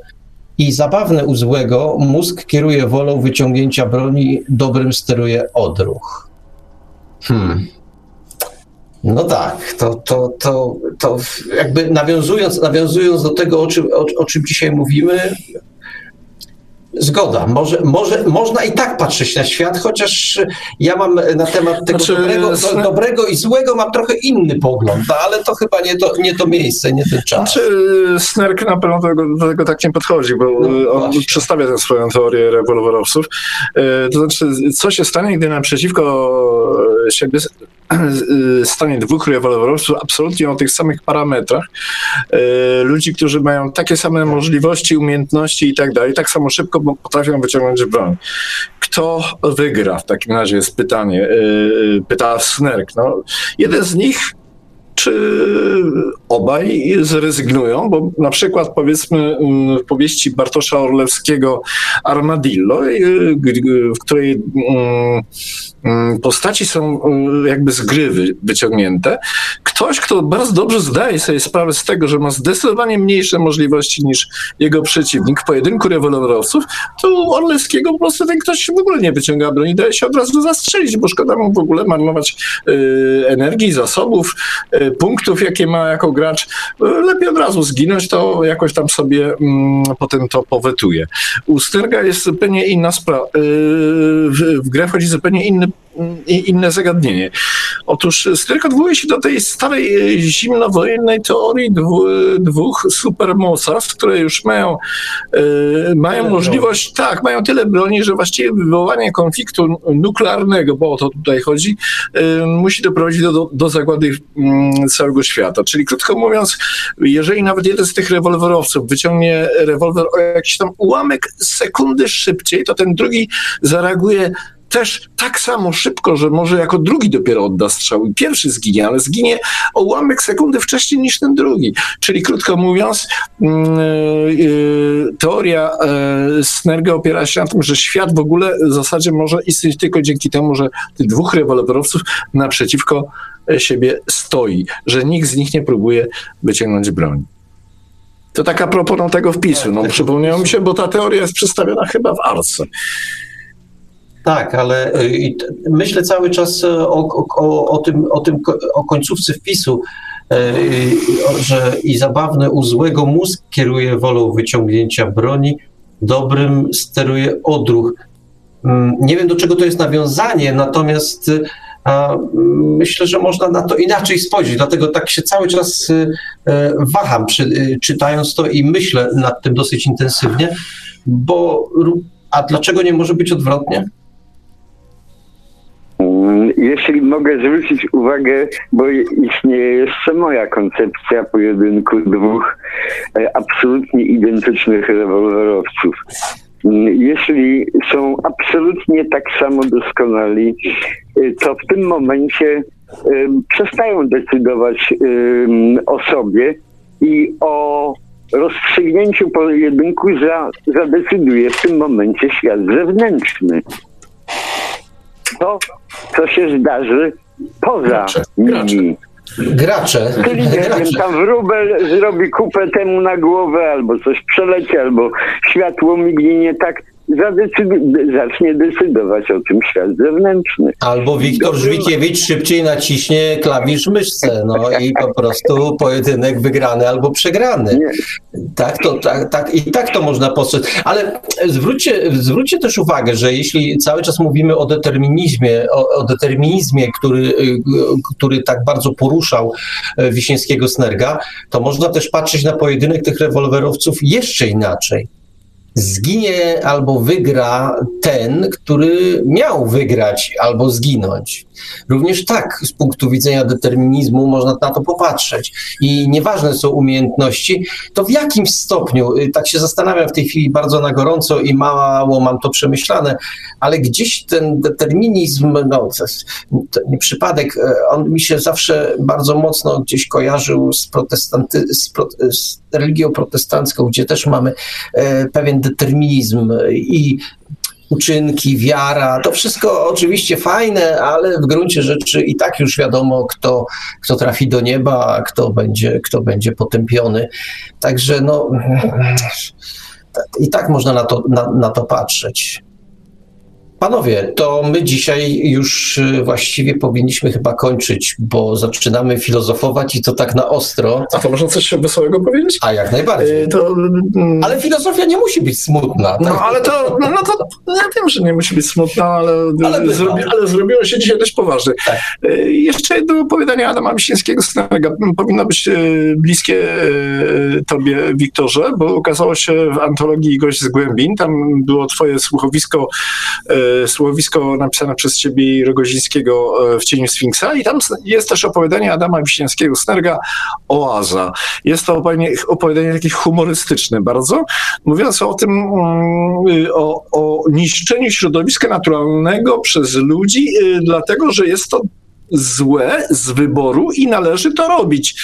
E, czyli krótko mówiąc, ludzie żyją sobie w takiej osadzie, w którym po prostu wszystko jest zanieczyszczone, co więcej zatrute, co, co więcej jak się okazuje, że jakaś fabryka tam za mało tego dymu wydziela i spalin, to natychmiast są podejmowane akcje, żeby ta fabryka więcej tego dymu wydobywała, bo inaczej kary tam jakieś finansowe będą. E, las zaczyna się niebezpiecznie rozrastać, więc od razu jest jakaś akcja społeczna, ludzie biegną e, z siekierami i z piłami, żeby ten las tam tępić. Dzieci bardzo e, do domu, to matka każdemu daje papierosy. Koniecznie musicie zapalić przed obiadem. Nie zjecie obiadu, jak nie zapalicie, bo to jest niezdrowe. E, czyli krótko mówiąc, taka historia Arebur Adama Wiśniewskiego, którą dziś też, mi się wydaje, powinniśmy obowiązkowo przeczytać. Więcej powinniśmy ją zadedykować pewnym ruchom, które nas chwilami usiłują paraliżować, a w każdym razie terroryzować odnośnie różnych naszych zachowań, to zdecydowanie powinno być dedykowane. Jeszcze rzut oka, Mr. Ark 01 napisał, e, wszystko już zostało napisane, bo w niebie pełn, pełnym dobrych jest nudno. No, ja też wyznaję taką teorię, tylko zastanawiałem się kiedyś nad czymś jeszcze, e, ale w takim niebie pełnym dobrych byliby ci dobrzy lepsi i dobrzy gorsi. I to by dopiero była zabawa, że e, poziom, e, znaczy poziom dobra mierzono by i ten z mniejszym poziomem dobra E, no wiem, popadam w, jakąś, w jakiś absurd, ale absurd to też jest e, w gruncie rzeczy e, jakoś z literaturą dość mocno związane. związany. Mister Ark 01 w takim pojedynku wygrywa zawsze ten stojący z boku, kto potrafi czerpać z tego korzyści. Pełna zgoda.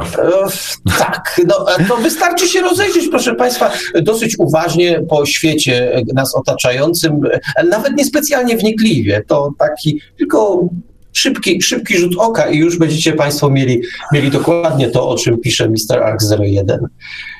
Szanowni Państwo, to wiecie Państwo, tak jak powiedziałem, ponieważ zaczynamy popadać w jakieś takie dywagacje filozoficzne, robi się poważnie, a w końcu weekend przed nami, to, to ja myślę, że jest to dobry czas na zakończenie dzisiejszej audycji.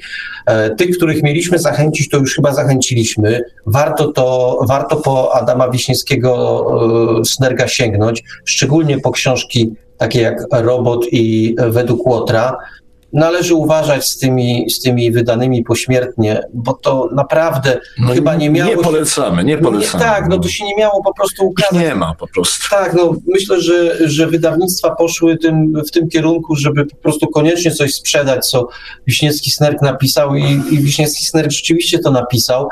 E, tylko to chyba nie było. Ale, ale są, są jakieś podejrzenia, że tam mm, niektórzy e, tam znawcy twórczości Snerga e, powątpiewają w, w autorstwo, w jego autorstwo tych książek, tam Być Oro może. i tak dalej. Tego trudno, trudno mi powiedzieć, natomiast tam się pojawiają wątki, które później w dojrzały sposób, jeśli przyjmiemy tę gradację czasową taką, że to były książki młodzieńcze, to te wątki, które, wątki, postacie, pewne rozwiązania fabularne, one się później pojawiają w dojrzałej formie już w tych książkach, które, o których dzisiaj mówiliśmy. I to widać, jak sobie nawet tak to przedstawimy, to widać, jak ważna jest pewna ewolucja pisarska w życiu, e, jak do pewnych rzeczy trzeba dojrzeć. Fajne, fajnie jest sobie, będąc czternastolatkiem, piętnastolatkiem, no nie wiem, kiedy on to tak naprawdę napisał, jeśli w ogóle napisał. Fajnie jest sobie coś popisać, ale do pewnych rzeczy, no tak nawet literacko, to warto, warto dojrzeć, ponieważ człowiek nie żałuje tego, co napisał w młodości.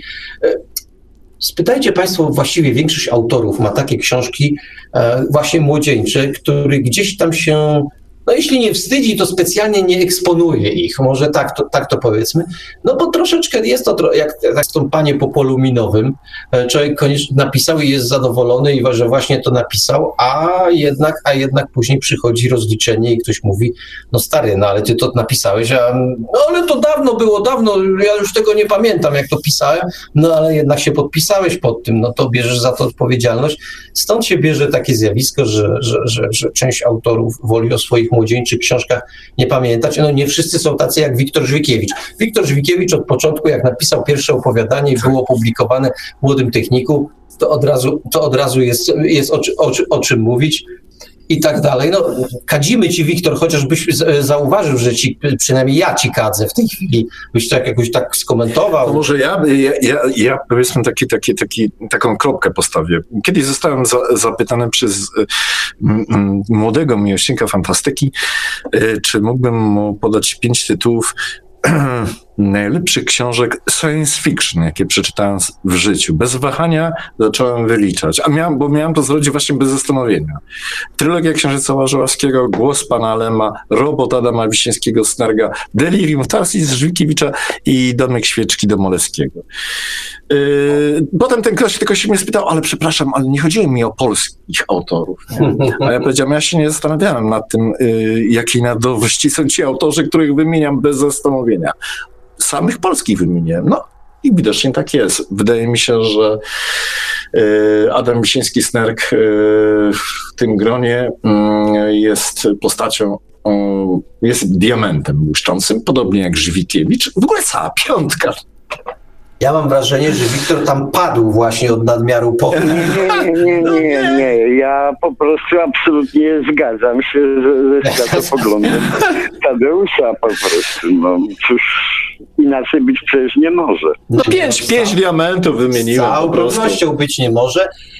Dobrze, panowie, bo my, y, znaczy ja szczególnie mam taką tendencję, y, moje zakończenia audycji trwają średnio pół godziny, no więc postanowiłem dzisiaj, że skrócę to jednak, y, zachowam, pewno, zachowam, zachowam się elegancko. Podziękuję, podziękuję panom, podziękuję naszym słuchaczom. E, bardzo, mi, bardzo było miło. E, mam nadzieję naprawdę, że sięgniecie państwo po Wiśniewskiego Snerga, bo warto. Od razu powiem, że za tydzień, za tydzień mamy ABW, E, to W to wakacje, a zatem będzie kolejne spotkanie z poznaną niedawno autorką Late Bracket. Tym razem e, zabierze Państwa w takie rejony Układu Słonecznego, które nieczęsto trafiają do opowiadań. No bo powiedzcie Państwo, ile czytaliście opowiadań, które dzieją się na Merkurym? a tu będzie Lady Bracket, Dziecko Słońca i to się będzie działo na Merkurym. Bardzo polecam. Stare, ale jare, warto. Co za dwa tygodnie? A za dwa tygodnie ustaliliśmy z Wiktorem, że była pewna prośba jakieś mm, kilka miesięcy temu, żebyśmy sięgnęli po klasykę, po takie książki, które się ukazywały dawno, dawno. No i jedną z tych wymienionych książek była książka y, Ostatni statek z planety Ziemia. No rzeczywiście książka, która ukazała się w latach 70. i wtedy to było wydarzenie. To czytano w radiowej trójce, to ludzie tego poszukiwali, w ogóle to fajne było i się czytało. Napisał tę książkę autor, który nie jest specjalnie w Polsce znany, John Boyd. E, ja pamiętałem tę książkę rzeczywiście jako, wtedy się mówiło i dzisiaj też się tak mówi, zajebistą. No i sięgnąłem sobie po tę książkę ostatnio i owoce tego sięgnięcia no, będziemy, będziemy omawiać za dwa tygodnie. Ja dodam tylko, że oprócz y, ostatniego statku z planety Ziemia będziemy mówić w ogóle o utopiach i, e, przepraszam, an, e, antyutopiach i dystopiach. To tak na dodatek, bo ta książka Boyda zaczyna się właśnie od przedstawienia takiej dosyć specyficznej, ale jednak dystopii. No i cóż, i do usłyszenia w takim razie za tydzień przy, przy fajnej lekturze, za dwa tygodnie przy, przy kolejnym bibliotekarium, przy ostatnim statku z planety Ziemia. To ja już się nagadałem, bardzo wszystkim dziękuję. Jeszcze, jeszcze głos dla naszego gościa. No dobranoc. Cieszę się, że mogłem e, dzisiaj powiedzieć kilka zdań o Adamie Wiśniewskim Snargu, jednym z moich ulubionych pisarzy i jeżeli Państwo wytrzymali z moim gadulstwem, bo jak zauważyliście, chyba też mam, mam tę cechę, no to e, co, co mój przedmówca, e, no, no to w takim razie bardzo mi miło. Życzę wszystkim fantastycznych snów. Wiktorze? No ja na do widzenia powinienem właściwie powiedzieć, no to z Bogiem, ale tym razem zmienię troszeczkę opcję i powiem, no to może ze Snergiem Wiśniewskim. Może. A ja jeszcze, jeszcze jedną informację. W swoim niepoprawnym gadulstwie jeszcze jednej rzeczy nie powiedziałem, więc powiem na koniec już naprawdę na dobranoc. Otóż y, to była ostatnia audycja, to była ostatnia audycja, nie w ogóle, tylko ostatnia audycja realizowana w trybie y, mikrofonowo-telefonicznym, bo my dzisiaj z Tadeuszem y, do Państwa ze studia, a Wiktor jeszcze, jeszcze, jeszcze przez telefon.